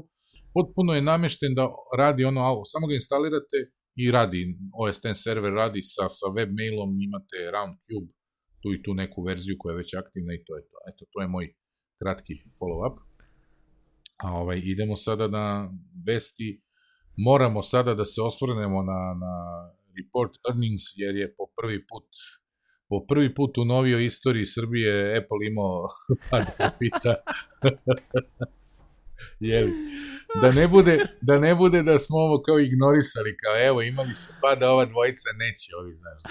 Neće ovi, da ovi, kažu. ovi fan bojevi, je, fan Ja, kad-. Što bi nam to nešto značilo da imamo, ovaj, da imamo akcije, pa i ajde. Da imamo, da, pa i ajde, da znaš. Ali ovako je više ono otprilike, ovaj, mislim ono, što, što bi rekli, onaj meteorski rast, ono neko trutku mora da stane i što si veći sve je teže da rasteš i dalje. Sve teže, naravno. Pa da. Tako da je sad smo došli u fazu da je prvi put opala prodaja posle ne znam koliko, 13 kvartala. 13 kvartala, da. Tako nešto, neka cifra ono opala prodaja iPhone-a više ne raste nego stagnira. Stagnira, ovaj, da. Da, 10 pa, miliona manje, 10 miliona komada manje od ovaj. Da, da. A dobro, mislim, to je sve, to je sve, ovaj, da kažemo, ono, kao se zajebancija za Wall Street, ono, kao, e, sad ćemo da im oborimo akcije, trte, mrte. Ne, od njih nema više ništa, to jest ono, otprilike, nema više ništa zato što ono, ne može više se mešetari. Ne može više da se mešetari, nema, nema gde. Znaš, ono, postali su toliko veliki da su postali manje više stabilna akcija koja, ono, će tu negde da stoji. Mislim, ono, stabilna firma koja, ono, prilike sad ima toliko para da ne zna šta drugo da radi. Ne možeš da prodaš nečega i pet, ono, u skoro milijardu nekih uređaja koliko su prodali za 7 godina. Teško ćeš to da prodaš, ono, bilo šta drugo u toj količini. Znači, ono, kao otprilike, čak i satove, ono, ne možeš da prodaš toliko. Znači, prosto, a, ne znam šta je bilo fora, kao glavni problem je što im u Indiji valjda ne ide, a, a, ne ide porast prodaje dovoljno brzo. To je kao problematika, pa su oni rekli da otprilike a, Indija se nalazi kao Kina pre 7 godina, ili tako nešto po Aha, u, tom, u toj fazi, da. da, da. i da sporije raste i, i tako dalje. A neki indici koje ja znam ono iz nekih ono ranijih priča otprilike su ovaj a, kao to je to je besmisleno objašnjenje zato realno prosto je preskup. Znači ono u Indiji ima a, gomila nekih firmi koje prodaju razne Android telefone koji su ono tehnički sasvim dovoljni najvećem delu populacije.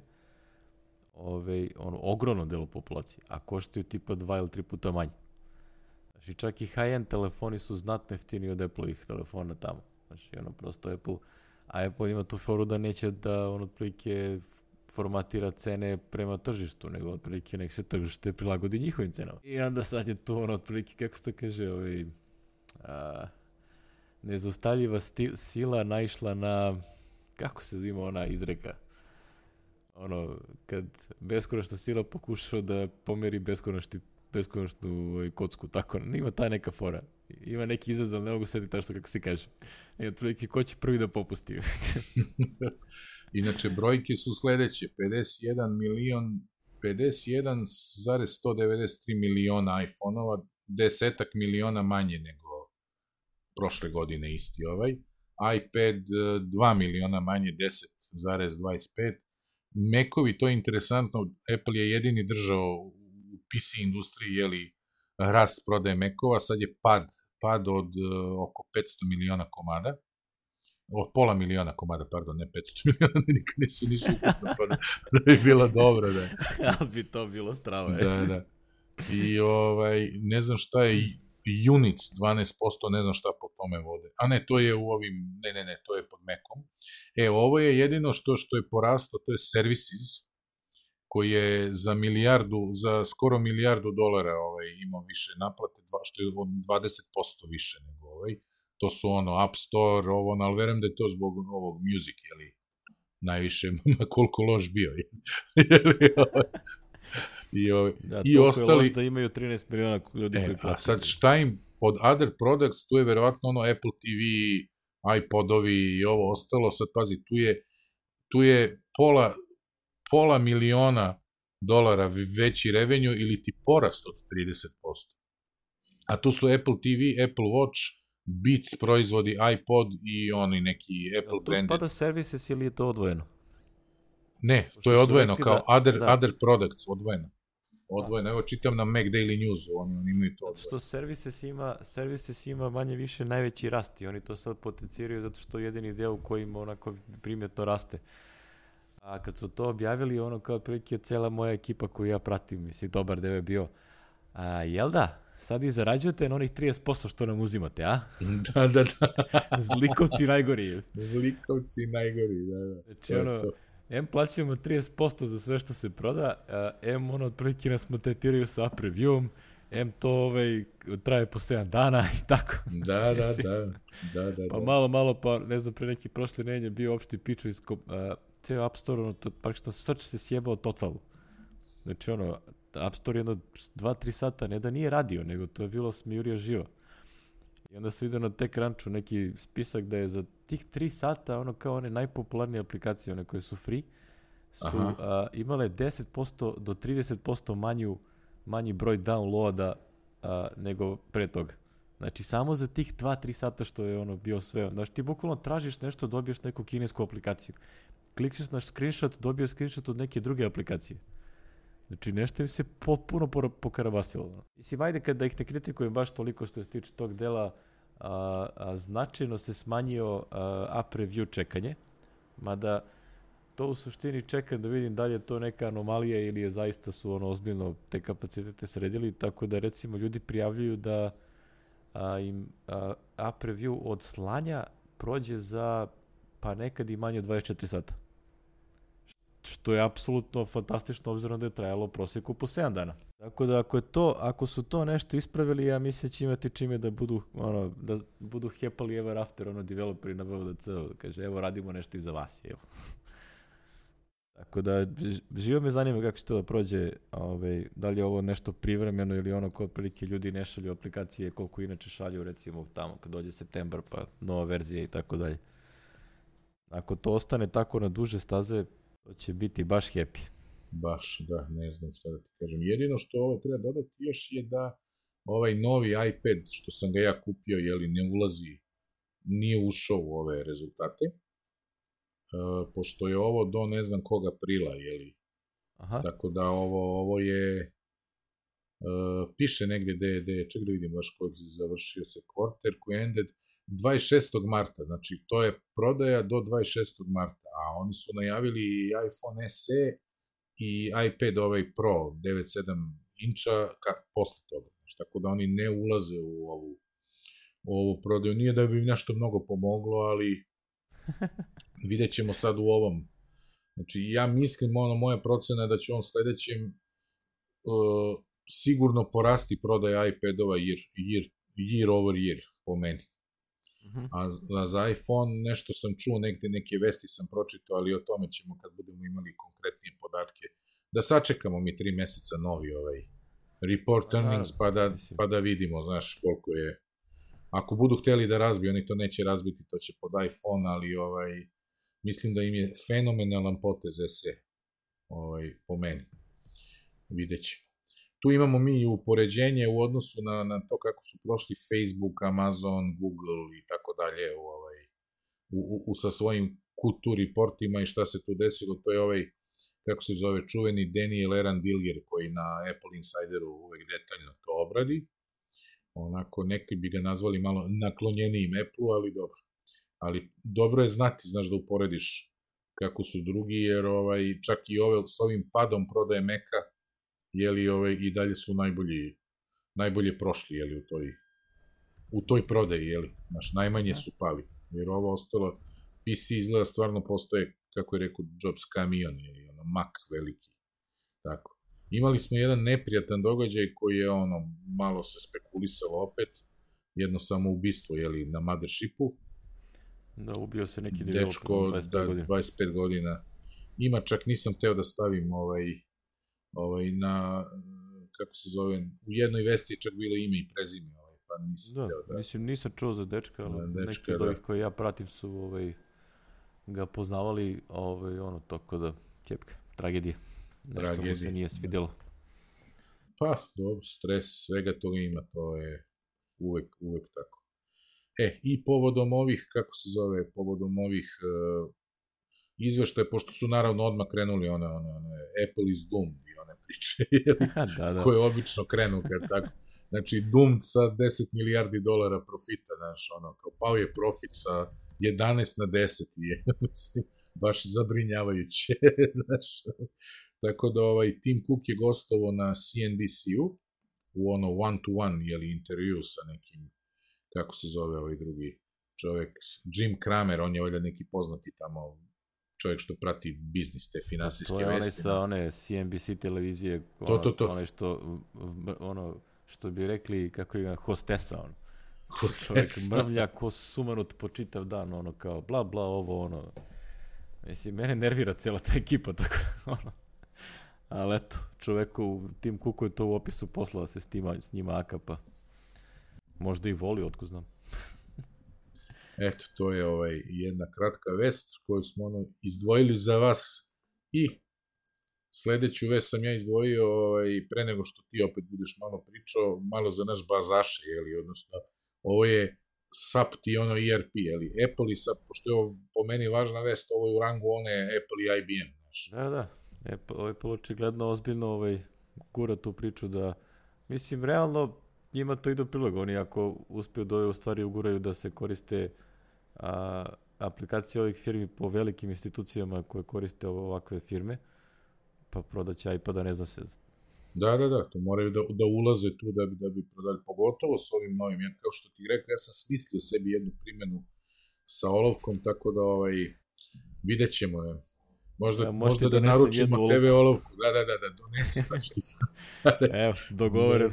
Do, ono, da, važi, je, ga, može. I ovaj, e, Apple i SAP su najavili saradnju, reč je vesti koja kaže da će napraviti ASDK za iOS i koji će omogućiti SAP-ovim klijentima, znači SAP je ono ERP, on sad ima svoje, svoje ljude koji to implementiraju negde, kako da vas, ne znam kako da vam objasnim šta je ERP, Enterprise Resource Planning, se tako zove? Pojma nema. Ne, ani pa uglavnom to je jedna od onih čuvenih modernih skraćenica, jeli? SAP, Enter, Enterprise iskraćenica. da, SAP, eh, Navision i tako, ima gomilih ti. Samo otkucajte E- ERP software i dobit ćete milion tih.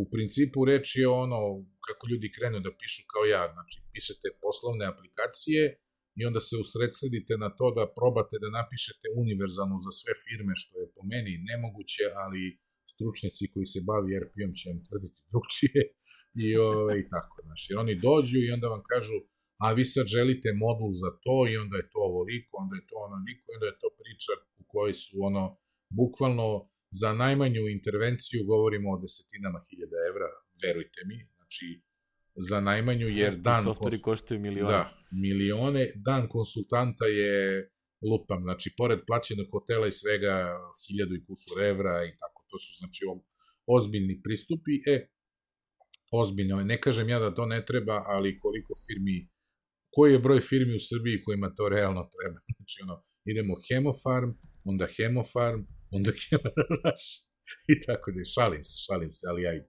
Ne bih sad da me prozivaju ovi razni ERP developeri, kako se zove. E, ovo je upravo za ERP developere, koji će onda, kojima će biti onda omogućeno lakše da prave uh, aplikacije za iOS, kojima će da se kače, SAP ima svoju takozvanu HANA cloud platformu, ja sam linkovao ovde da, jer meni baš nije, to je ono, što čitate dva sata i dalje vam nije konkretno jasno, nego morate da odete da pitate nekoga, onda će vam da vas uvati jednu klasičnu priču, a šta vama tačno treba, što će reći ko kad sam kupovao stan, znaš, ja sam mom agentu rekao, neću Novi Beograd, neću ovo, neću ono, a on mi je uporno zvao i nudio stanove na Novom Beogradu, e tako i ovi.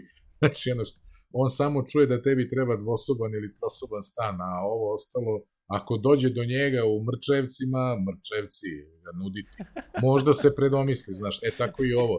Ne znaš cene, ne znaš ništa, moraš da ih zoveš, da pitaš, onda ti dođe neko i onda krenu da te uđeš u mašinu jednostavno, dobro. Ali je dobra vez da, da, da će to biti. E, sada ti, ti, ti nastupaš, Alek, da nam objasniš hoćeš ti imati problem s ovim ili ne, da uskladiš svoju aplikaciju. Znači, ako sam ja shvatio, IP verzija 6 isključivo, znači uopšte da nema podršku za IPv4. Sam ja to dobro razumeo vesti? A, ne, nego će biti obavezno da postoji.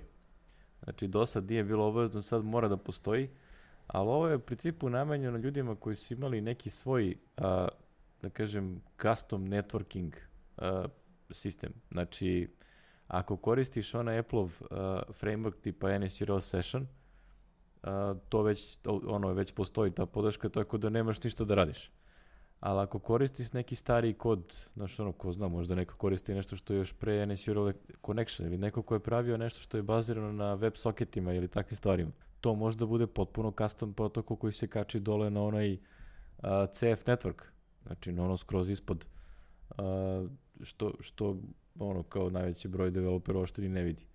Tako da ako imaš takav neki softver, ko zna šta sve se koristi po App Store-u, a, moraš da prosto podimaš podršku za IPv6. Ako ne, nemaš, ovaj Apple će to šutne, vjerojatno imaju načina da to provere i onda će ti otkači odmah i statička analiza pri ap, ovaj, ap, ap, aplikaciji, pri uploadu će otkačiti taj, taj binary.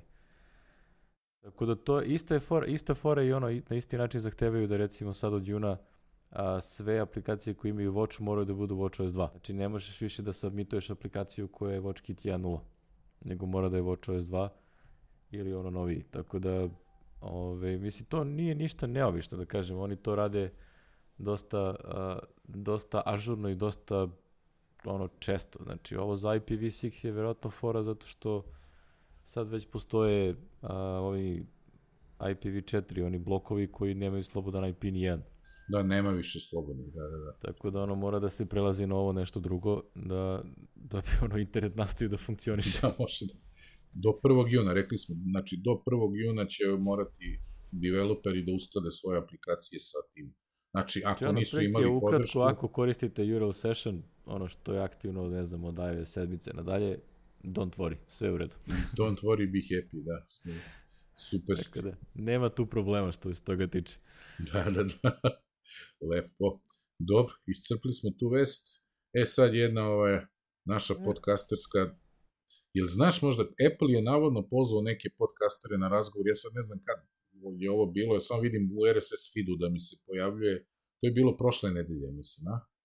Ili kamo pa, krajem da, aprila još? Se, mislim, pojavila se ta priča da je nekda sedam najvećih praktično podcast publishing kuća a, išlo kod Apple da se žali da ono ne da je ono otprilike treba im više. Dajte nam mor, jo, može podatak? Mislim generalno to su firme koje žive od a, kad ti imaš podcast i hoćeš da, da živiš od toga ti ga daš to nekoj kući i oni ti rade sales za tebe. Znači onda su praktično oni su publisheri ali nisu autori konkretni, nego su publisheri, znači isto ono što su radile razne kao Electronic Arts ili nešto koji su imali svoje ono svoje igre, ali su u najvećem broju slučajeva prodavali tuđe igre za drugih studija. A, I onda je a, su ovi likovi došli i rekli da otprilike njima treba više podataka o demografiji, oko čemu, zato što ono, to, to je ono što traže advertiseri. I sad oni hoće da prosto imaju više podataka na osnovu kojih mogu da nude prodaju, ne znam, tipa ovaj podcast sluša i ono kao populacija do 25 godina koja ne znam, se bavi tim i tim. Znaš te fore, ono što ti Facebook nudi, što Google nudi, znači ono na osnovu čega te dve firme u suštini imaju najveći dominantnu, ono, dominantni deo kolača u advertising industriji oni, oni kupe. Zato što ovi to vole. A, da, da rade taj targeting. E sad, ova naša naša ono prijemčivija družina tipa Marko Arment ili Dan Benjamin ili ta ekipa otprilike kao ovo mi ne želimo uopšte. Da, i Federico znači, ima mi ne želimo da se desi isto što se desilo sa webom. znači ono otprilike da ono odeš na website i onda ti treba 68 trekera, blokera, analitika i koje čega da, da downloadiš pre nego što vidiš sadržaj koji te zanima. I onda ove, ovaj, ima par tih postova od Marka Armenta i od Vitičija koji su do, dosta dobri a, ono što je, a, da kažem, impozant, mislim da kažem, a, zaglušujuća je tišina ono koja se vidi iz nekih, recimo, velikih, nekih drugih firmi koje ja znam da se time bave, kao što je, na primjer, Midroll, koji ono, prilike na, firma nastala od par ljudi koji su izasli upravo to. Znači, mi se bavimo salesom, a ti se bavi kreiranjem podcasta i mi ti damo što treba pročitaš i dobiješ pare. I napali od toga mega firmu za, za ono, praktično, ono, a, posredništvo između onih koji kupuju, ono, imaju reklame da koje žele da plasiraju i ovih što imaju sadržaj. Znaš, kuliraju oni tu nešto i čekaju da vide šta će se desi. Realno, realno, pazi, u podcastingu već postoji par tih nekih firmi koje, da kažem, imaju veliki udeo kolača. Ali ono što je zanimljivo, Apple je i dalje najveći. Iako oni u sve ovo ne ulažu skoro ništa. Ništa. Niti ono, imaju, niti od podcastinga direktori... imaju išta. da, pa ne, poz, ula, ula, napravili su onaj podcast direktori tamo pradavno na iTunesu I to je to. Znači, ono, prilike, ja ne znam da su oni išta tu, ono, kao posebno nešto ulagali resursa da tu, znači, oni to samo drže što se tiče servera, ali da nešto razvijaju to kao biznis, ne. Znači, ono, prilike Apple je, što, što kaže Marko, kao Apple je fenomenalno nezainteresovan za ovo. I neka ostane tako, da. Jeste, to je ono, ja ne znam šta bi dodao na to Uglavnom, nemaš predstavu, znači nisu, ni, ni jedan od ovih voditelja, naravno, ni Marko Arment, ja vidim, ni, ni Grubera, znači nisu zvali ličnosti, nego su zvali Ne, ne, ne, to te su veće... predstavnici ono, baš velikih firmi, znači koje ono, tip, možda došao recimo tipa NPR, znaš, ono, znaš, ne znam da ono, tipa, nisam gledao, ti njega pratiš, možda on spomene dalje bio recimo ovaj... Leo. Leo, da, dalje Leo da. bio, pošto on je Nisam dosta, gledao, baš ću zato da pogledam. Dosta veliko poznato ime, znaš ali ne, ne, ne vidi se koji su tih sedmorica. Znači, ono, se, sedmoro ljudi je bilo, koji su, ne zna se. Nisam gledao Lea i od Dena sam slušao Back to Work, zato što sam ga započeo slučaj, ono jutro u avionu sam ga započeo epizodu 268, a posle toga ima još dve epizode, znaš, i ono nakupilo mi se da, kad sam već kod podcasta, imam tri nedelje da slušam, nisam stigo ništa da slušam tamo. I, ovaj, kako se zove, a ono, prvo što mi je bilo sam na, kad sam došao HBO to go, pošto mi tamo ne radi, jeli, kaže, vi ste u zemlji gde ovo ne može. A, Game of Thrones? Game of Thrones, ove dve epizode. znači, Mora drugu se, i treću, da. Znači, zna se šta treba. Fora, da, da vidim kako je Jon Snow vaskrsno na, na, ovaj, na, na, na pravoslavni uskrs. pa je ovaj hrvatski Newsnet stavio vest kao teoriji, kaže, ovaj zavera protiv Hrvata. Nisi vidio to? Ne, pa Tako ne, sam se smejao, kaže, zavera protiv Hrvatske, Jon Snow uskrsno na pravoslavni uskrs. Ali potpuno genijalno. Super je, Bora, Jon, Jon Snow vaskrese. ja, i tako da ono, to mi je bilo prvo. E, e verovo ili ne... svima koji nisu gledali seriju, šta da vam... Jao, izvinite na spoiler, ali to je bilo pre dve nedelje, ljudi. Kako niste gledali? Ako ne pratite, šta da vam vrati? A ako čekate kraj da binđujete, ja se izvinjavam. ovaj, reći ćemo u najavi ovaj, da negde oko tog i tog minuta ne slušate pred kraj.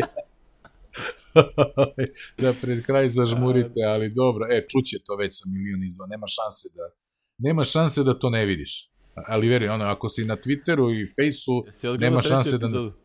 Jesam, e, u, u napred, znači, pogledao sam na na kraju kad je John Dustin uradio, mik, što bi rekli, mic, mic drop. Big Drop, da, da, da. I'm done. I'm done. Aj, čao. Da, da. Ja sam ovde završio, pazi, nije prekršio zakletu, umro je. da, da, until death do us apart. da, da, da, on je, to je dobra je fora, dobra je fora. Vidjet ćemo sad dalje. ono, znači, ono, Mnogo je, bit će super. Je. ide, ide klasika, znači ono za sezonu. Znači ide klasika, prva je ono kao, a, da, da vas podsjetimo šta, šta gledate. da, da, da. Onda ono dve, tri, četiri idu kao priprema scenarije, pa jedna kao, aha, nešto se novo desilo. Pa onda dve, tri i onda osma epizoda je ono ključna. Znači tu je ono Da, da, da. spektakl. Tu će da bude show. I onda Tu će, deveta i deseta su ono... tu će da bude krvi do kolena. Osma, krvi do kolena nema. Ne, ali najbolje je što sad u suštini smo prešli ono, prešli su objavljene knjige, tako da sad i realno niko ne zna šta će se desiti. Da, da, da, sad da urade nema, sad već nema, ve, nema dodirnih tačaka sa knjiga, već, već dugo nema ne, u nekim elementima, sad su otišli i dalje. Znači, Da, Poslednje u- ovaj, ovaj u još knjigama je poslednje Bodus Johna Snowa i on umire definitivno tamo prema knjigama umire definitivno kao znaš. Jo, ono John is dead.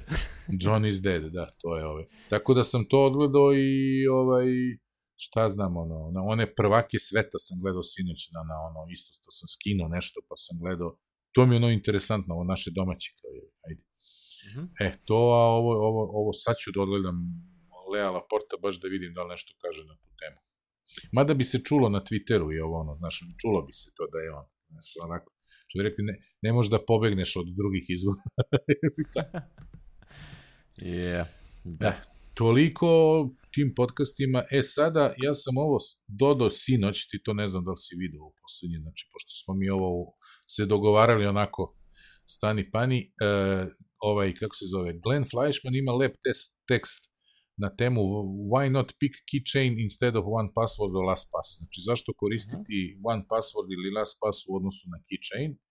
I ima jedan lep tekstić, ja sam ovde linkovao, Znači, verujte mi, ako ne koristite one password, počnite, to je tako dobro, to mi tako spašava stvar u ovim situacijama na putovanjima i to za mnoge, mnoge stvari. Znači, ono, od toga da ono, stane mozak, pošto imam šest kartica koje koristim, stane mi mozak, proveriš, pogotovo sa Touch ID-om, to proveriš u roku od dve sekunde. Znači, nema ono kucanje, jao, čekaj, gde mi je, Znači, samo startuješ one password, staviš palac ili već ti zgodno, nađeš kredit card, otvoriš pin da vidiš koji ti, to je to. Znači, to rešavaš E, dok sad ona su u žena novoj tamo verziji kuca. dodali opciju da kad i resetuješ računar ne moraš da ukucavaš, nego op, samo pritisneš ono dugmente za Touch ID. Za Touch ID, eto vidiš, to je. Ne to moraš da su- ukucavaš i nakon restarta, tako da to je, To je bilo super vrlo, vrlo, fora, po, da. vrlo poželjni update. Da, e, kad smo već kod kartica i ono onome što, što smo definitivno sad rešili da ide kao pre-show, imaćemo prvi put u istoriji, u novijoj srpskoj istoriji, pre-show, ovaj, u Portugalu mi se desilo da u McDonald'su ne, ne rade strane kartice, verovo ili ne. Znaš, ovaj, piše nešto, znači imaš one, ne znam da li si to video, to se video u Parizu, prvi put imaju one, ima kad uđeš u McDonald's, ne ideš na, na one, da kažemo, šaltere, nego imaš automat onako, ubaciš, ka, ono, izabereš šta ćeš, ubaciš karticu i dok si ti to završio, platio, dok priđeš onome, već, ti- već ti je gotovo. Možeš da sedneš za sto, da ti donesu čak to. Znaš, tvoju celu poručbinu. I ja sam to u Parizu koristio jednom, ono, kasno sam nešto, nisam večero, ovaj, ne znam, jedan dan, nisam imao večero, ono, ili za 4D, i u tom delu grada nema ništa, već je bilo pola 11, ja izašao se prošetam, malo razbistim glavu, svi restorani zatvoreni, jer ja, jeli, od pre par godina ne štedim na hranu više u Francuskoj, pošto ono, da, tam, tamo ne tamo vredi je ono, znaš, tamo nema šta, znači 20 evra večera, 20 evra, ali bato, nema, nema, ne, nema, nema, da, da nećeš pojesti nešto čega se nećeš sećati sledećih 5 godina. I ovaj, e, i onda sam ušao, vidim McDonald's radi ono do ponoći, i uđem i imaju to i lepo sedneš donesu ti, znaš. I probao ja to u Portugalu, u Bragi već kad smo stigli, nešto mi javlja nešto kao, i sad ja ono malo što razumem portugalski, pominje kontrakt, znaš, pominje kao SEM, nemaš ugovor, nema. Izgleda, samo domaće kartice, znači neki poseban, oni izgleda su, kad se kriza krenula, znaš, ono 2008. su banke odmah prestale ono da daju kredite, sekle su kreditne kartice, znaš, izgleda im je bilo s te strane frka, ali su se zato ekstremno oporavili, znaš.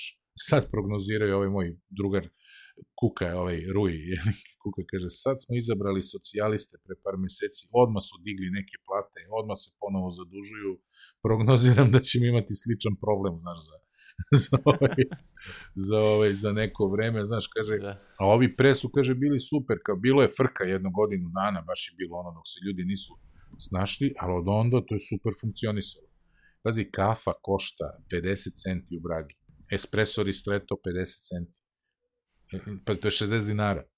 Da, da. U, u Lisabonu je najskuplja bila 70, gde sam vidio. Na takvim mestima, znači ono, uđeš, sedneš u neki kafić, uzmeš kafu za šankom i oni imaju čudan način pijanja kafe. To me nervirao ovaj Portugalac što me doveo. Rođeni brat ovog Ruja, koga nisam video, je li Antonio, on ima foru u Španiji dok smo bili, ajmo na kafu, ajmo na kafu. I onda me guši, rekao, daj samo da završim nešto pa idemo na pauzu. Znači i mi siđemo dole na kafu i naručimo dve kafe i on onako u tri gutljajčića, ono vrelo, onako rokne onaj espresso i kao to je to, idemo nazad, ja ga kažem, ne slušaj, nemoj više da me zoveš na kafu, ako ne da sedemo. To su Srbiji radi le, ono, slow food. Pola, ako me zoveš na kafu, da si gušio toliko i da si išao popio, vratio se za 10 minuta, mislim.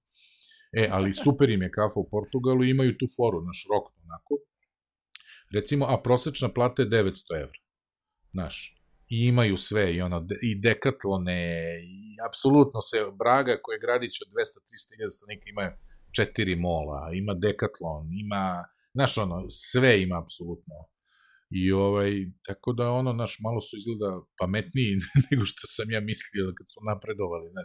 Ja govorio rekao vidi isti su ko mi bre, neće ni naš da nisu uniji, ko zna šta bi bilo. Međutim autoputevi, bato i ovo. Znači, znači samo naš, smo mi glupi. Znaš, hrana, to to. e, jedeš za 5 evra, znaš kako jedeš u ovom, u molu, znaš, ono, na onom food courtu za neke portugalske, nešto nicle, pirinče, ovo, ono, znači, nije malo, znaš, jedeš za 5-6 evra, odlično jedeš, znaš, nije ni ono, što ti govori da idu na količinu, znaš, jer oni popiju, ta navika im reći, svako popije po dve do tri te kafe dnevno, znaš, jednu ujutru, jednu popodne, znaš, ono, u prolazu nešto ovo, ono, na brzaka, to je evro, evro i po. Kad bi digli kafu na evro, smanjio bi im se promet sigurno, razumeš? Tako da su našli meru, onu, a kod nas, ba to, kad ide kriza, samo diži cene, znaš, ne, ne, ne znaju drugo da urade, da, da, znaš, to je ta razlika. Tako da, ovaj, e, sad smo odlutali malo, ali od menadžera za lozinke do, do kafe u Portugalu, ali ovaj, mo, to morao sam da kažem, jer ono stvarno mi je impresioniralo, znaš, tako. A oni su inače čip na kartici, znaš ko, to je portugalska invencija, znaš. To su oni, ja, oni pojma. izmislili. Da, da, da, vrlo, vrlo su napredni u nekim tako, pogotovo tehnološki stvari. Par stvari su oni u tom, tom bankarskom svetu i tom. Znači, čip na kartici, to ti je, koliko sam ja čuo, ne samo od njih, nego inače, to su prvi Portugalci krenuli masovno da, da, da koriste, da stavljaju, znaš. Ove, ovaj, to im je kao ono, Znaš, pazi sad, to je ono, njima i malo lakše, njih ima desetak miliona tu i to je, znaš, to je ovaj, ono, mogu da primene tako neke stvari i eto, to je. To na autoputevima, sećam se ja, znači 2000-te kad sam ja došao, bilo je isti taj uređaj, isto izgleda, znaš, nalepili mi na šofersku gore, isto sve to, isto funkcioniše koji onda. Čak ako imaš ono auto na firmu, to funkcioniše tako što ti ceo mesec se voziš i oni ti na kraju meseca pošalju fakturu koju treba Znači imaš kredit, jeli, na, ne plaćaš u napred, nego plaćaš autoputeve na kredit i odjednom na kraju meseca na jednoj fakturi.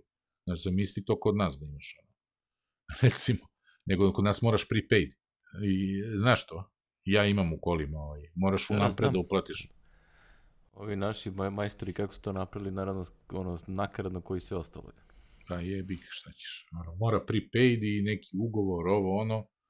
Ovo mi žena samo kaže, jel hoćete, hoćete evro zare sedam dnevno, tako nešto rekao, hoću, da se zezam, sad znaš, sitnina, ovo, ono, staji, ne staji, ubacuj moju kartu ovako, odvojila je 50 evra za to već sa moje kartice i ta manje toliko i bila putarina. Razumeš? Lepo. to je... Pošteno si tu naputovao, ono, kao to zvuči, yes, ono, prilike, ta što ono što bi ja volao da uradim, ono, da sedem. A kako se snalazio sa jezikom? Pa što sam duže tamo, sve sam više i više razumeo. Išli smo na Fado jedno veče. I to smo išli ono u Lisabonu na neko, od ove ekipe koje smo bili, drugar je živeo tamo, odnosno bio je tamo par meseci pre tri godine i onda je, smo imali adresu i već smo rezervisali za nas desetoro sto u onom, kako se zove, Alfa, Alfama, neki kraj Ližboje, je li, Lisabona, gde baš nije ono, bilo je turista, ali nije ono klasično turistički onaj fado, znaš. Šta da ti kažem kad u jednom trenutku ti jedeš jedeš i oni sviraju i iza tebe konobar zapeva. tako da je ono, znaš, mala kafanica i tako. Išli smo i recimo, uh, razumeo sam većim delom tekstove, znaš, pojedinih pesama, onako, znaš. To je baš onako... Ja imam tu neko pravilo, to bi u četiri deo za ovaj Angelo, znaš, to zove opet širimo priču, ali ajde, interesantno je, kad je u Evropi dođu Španci, znaš, ove godine je bilo samo dvoje, došle taj Alfonso iz Valencije i Suzana iz Madrida, Suzana obično dovede i 3-4 svoje zaposlene, znaš, i oni rade dosta u Vakandi isto. I, ovaj, e, i onda ova Manuela što radi u četiri deo, inače rođena je u ono, portugalskog je poreka, ili? ona njih vodi to ona je u prodaji radi i onda ona mene zamoli da sednem s njima za ručak, pošto ja kao razumem i mogu da se, znaš, komuniciramo. Onda smo sedeli jednom tako ovaj Angelo iz Kolumbije, ja i ona pre jedno dve godine na samitu i pita me neko kao, pa ti kao, a portugalski? Ja rekao, pa znaš šta, ja ga pričam po Milanovim pravilima. Oni se smeju, koje su Milanova pravila? Pa rekao, tamo gde u španskom kažeš Sion, ona završava Sion, naš reč, tu je Sao, malo kroz nos, Sao, znači organizacion ti je organização, I ti pričaš portugalski, to je jedan pravilo. Drugo je pravilo, gde španci kažu s, ti kažiš š, čak i kad pogrešiš, prećete razumeti portugal. Znači š, ž i to, gde španci kažu h, kaži f, nećeš pogrešiti. Jeli, ovaj, sad, zaklopite deci uši, ima suveni španski glagor hoder, jeli, koji na portugalskom je foder. A znači, pa jednu radnju između osobe muškog, u stvari ne mora sad da budemo, kako se kaže, potpuno ovaj, jeli, politički i, kako se kaže, gender korektni ovaj, i u seksualnom, ne, ne, ne, ne mora isključivo za muže i žene, ali naš glagol počinje na j, jeli.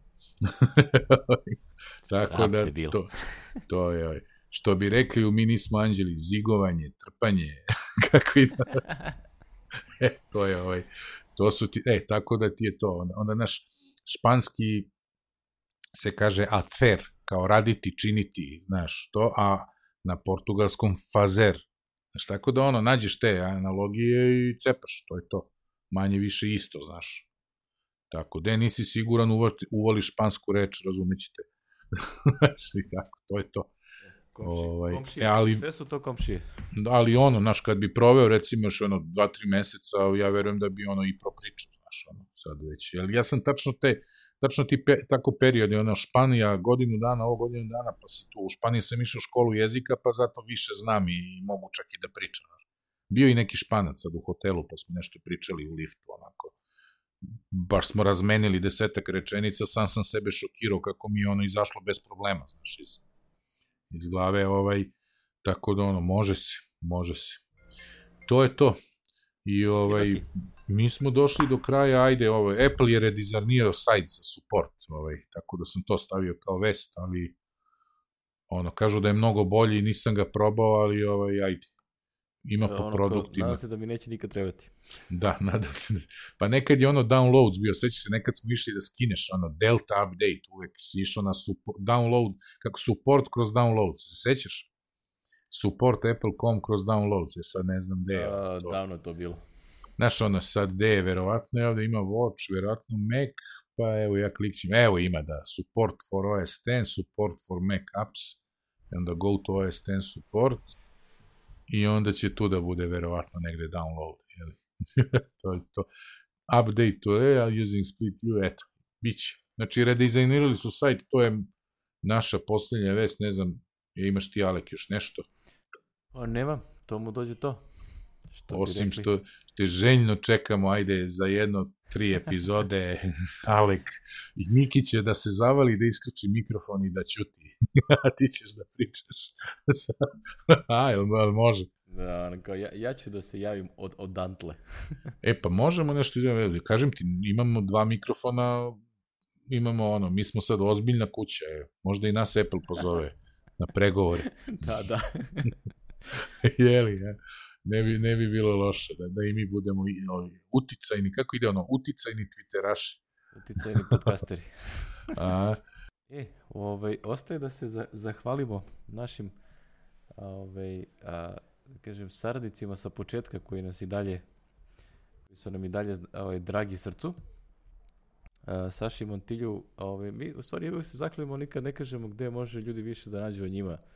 A ono Da, da se da. nađu novi, novi ljudi koji ono nisu slušali sa početka. pa im imam ja, stavim link, ali evo ti si sad ovo otkrio što si mi poslao, ovo izgleda Ja ne čovjek znam, među to, vremena je to njegov sajt? Jeste, jeste, ček da vidim da li ima sliku. Jeste, on je, o, ja, on je, on je, A. on je, Vladimir Pošto on je Tošić. ranije imao nešto na Eunetu, nešto... Ono Na Eunetu je imao neki ono, da, da, pod E, sajt. znači, ovo. naš e, kompozitor ove naše uvodne muzike za podcast je Vladimir Tošić i na vladimirtošić.com. Stavit Ovo, ćemo, zamenit ćemo u zahvalnicama na ovo, e, baš ću na biografiju da linkujem. I ovo, Sup- pošto ima sajt. Ono, vidim da ima nekoliko izdatih ono, a, albuma kroz razne godine. Tako Da, da, da, da. ko voli, ovaj, ko voli, kome se sviđa naša muzika i hoće da čuje nešto više od, ovaj, od, od Vladimira, znači može ovde da pronađe. A, Saša, Saša Montiljo je i dalje na onom montiljo.com. Montiljo.com, da, da. Ima ga tu i na DeviantArtu, ja mislim, pošto mu čovek koji mu je radio ovaj sajt Montiljo.com je se iselio za Ameriku i on sad ne znam kako će da, treba da ga menja, ažurira, a umeđu vremenu nove radove stavlja na DeviantArt, onaj Da sajt, njemu to će lepo, ljudi... da mi njemu, da on lepo mu kažeš da on otvori akaunt na Squarespace-u i vozi. Pa rekao sam mu ja to, ovaj, će se. da, ne znam šta će. Sad ovaj, e, najavio mi opet ću da mu čuvam budu za jedno desetak dana, na desetak dana, tako da ovaj, Aha. Buda gostuje kod mene opet, super je Buda. Ono, svi smo happy što ćemo ga opet ugostiti, hranu smo mu već kupili još pre nedelju pre puta za Lisabon da imamo ovde i tako. To je to. I Da Ilkicu nismo zaboravimo pomenuli. Aleksandru Ilić. Ja sad ne znam je li ima onaj neki sajt ili da. A, pa nema, ima jedino onaj link što je tamo u zahvalnicama, pa eto, to je to. Pitaću i nju umeđu vremenu da nije nešto da Jel pomenim. ima neki da li portfolio. Da. Pa ne, ona je ona skromna, nema ovo ono, mislim ima portfolio, nego ja sam njima sve rekao, e, ako imate nešto što je event, recite da, znaš, mislim, Saleta viđam pa čujem i znam, znaš, kad je izložba ovo, ono, ove ljude, Vladimira Tošića, eto, viđam na slavi kod komšije, ovde kod- ovaj što je ono poseban kuriozitet bio, ovaj, jer nismo se znali, mi kad smo uzeli muziku, mi smo to preko mog isto prijatelja, pijaniste ovog Milivoja Veljića, on nam je, ono, sam ja prvo njega molio, to nismo, ne znam da smo ikad pričali, nismo čak i onoj epizodi za godišnjicu. Znači ja sam Milivoja zamolio, ne bi li izbegli ove, kako se zovu, probleme sa eventualnim ili Sokojom i ostalim ovima, ja sam zamolio Milivoja da nam otvira neku klasiku, da nam to bude uvod, kao ono pragmatik što ima ono, onda je Milivoje došao na super ideju i rekao je, pa moj prijatelj Vlada Tošić kaže ima super muzike te elektronske ove one u raznim oblicima, vidi ono i pitao je njega za dozvolu i on nam je dao dozvolu preko Milivoja, tako da smo mi izabrali ovu. I u, upravo u tom možda nedelju dana posle toga bio je Slava je bila i ja idem kod ovog kod naše komšije koja nas stalno zove mene Cecu, pošto deca su nam išla u obdanište zajedno. I, i ovaj stalno nas zovu na slavu. I mi kod njih kad ulazi čo- čovjek je profesor gitare koga idemo na slavu, a ulazi njegov profesor sa akademije i čovjek mi se predstavlja Vladimir Tošić i ja ga gledam, rekao, rekao, ne mogu, vi znate Milivoja, kaže, znam, rekao, e, ja sam onaj kome ste dali dozvolu za muziku, tako da je mali svet.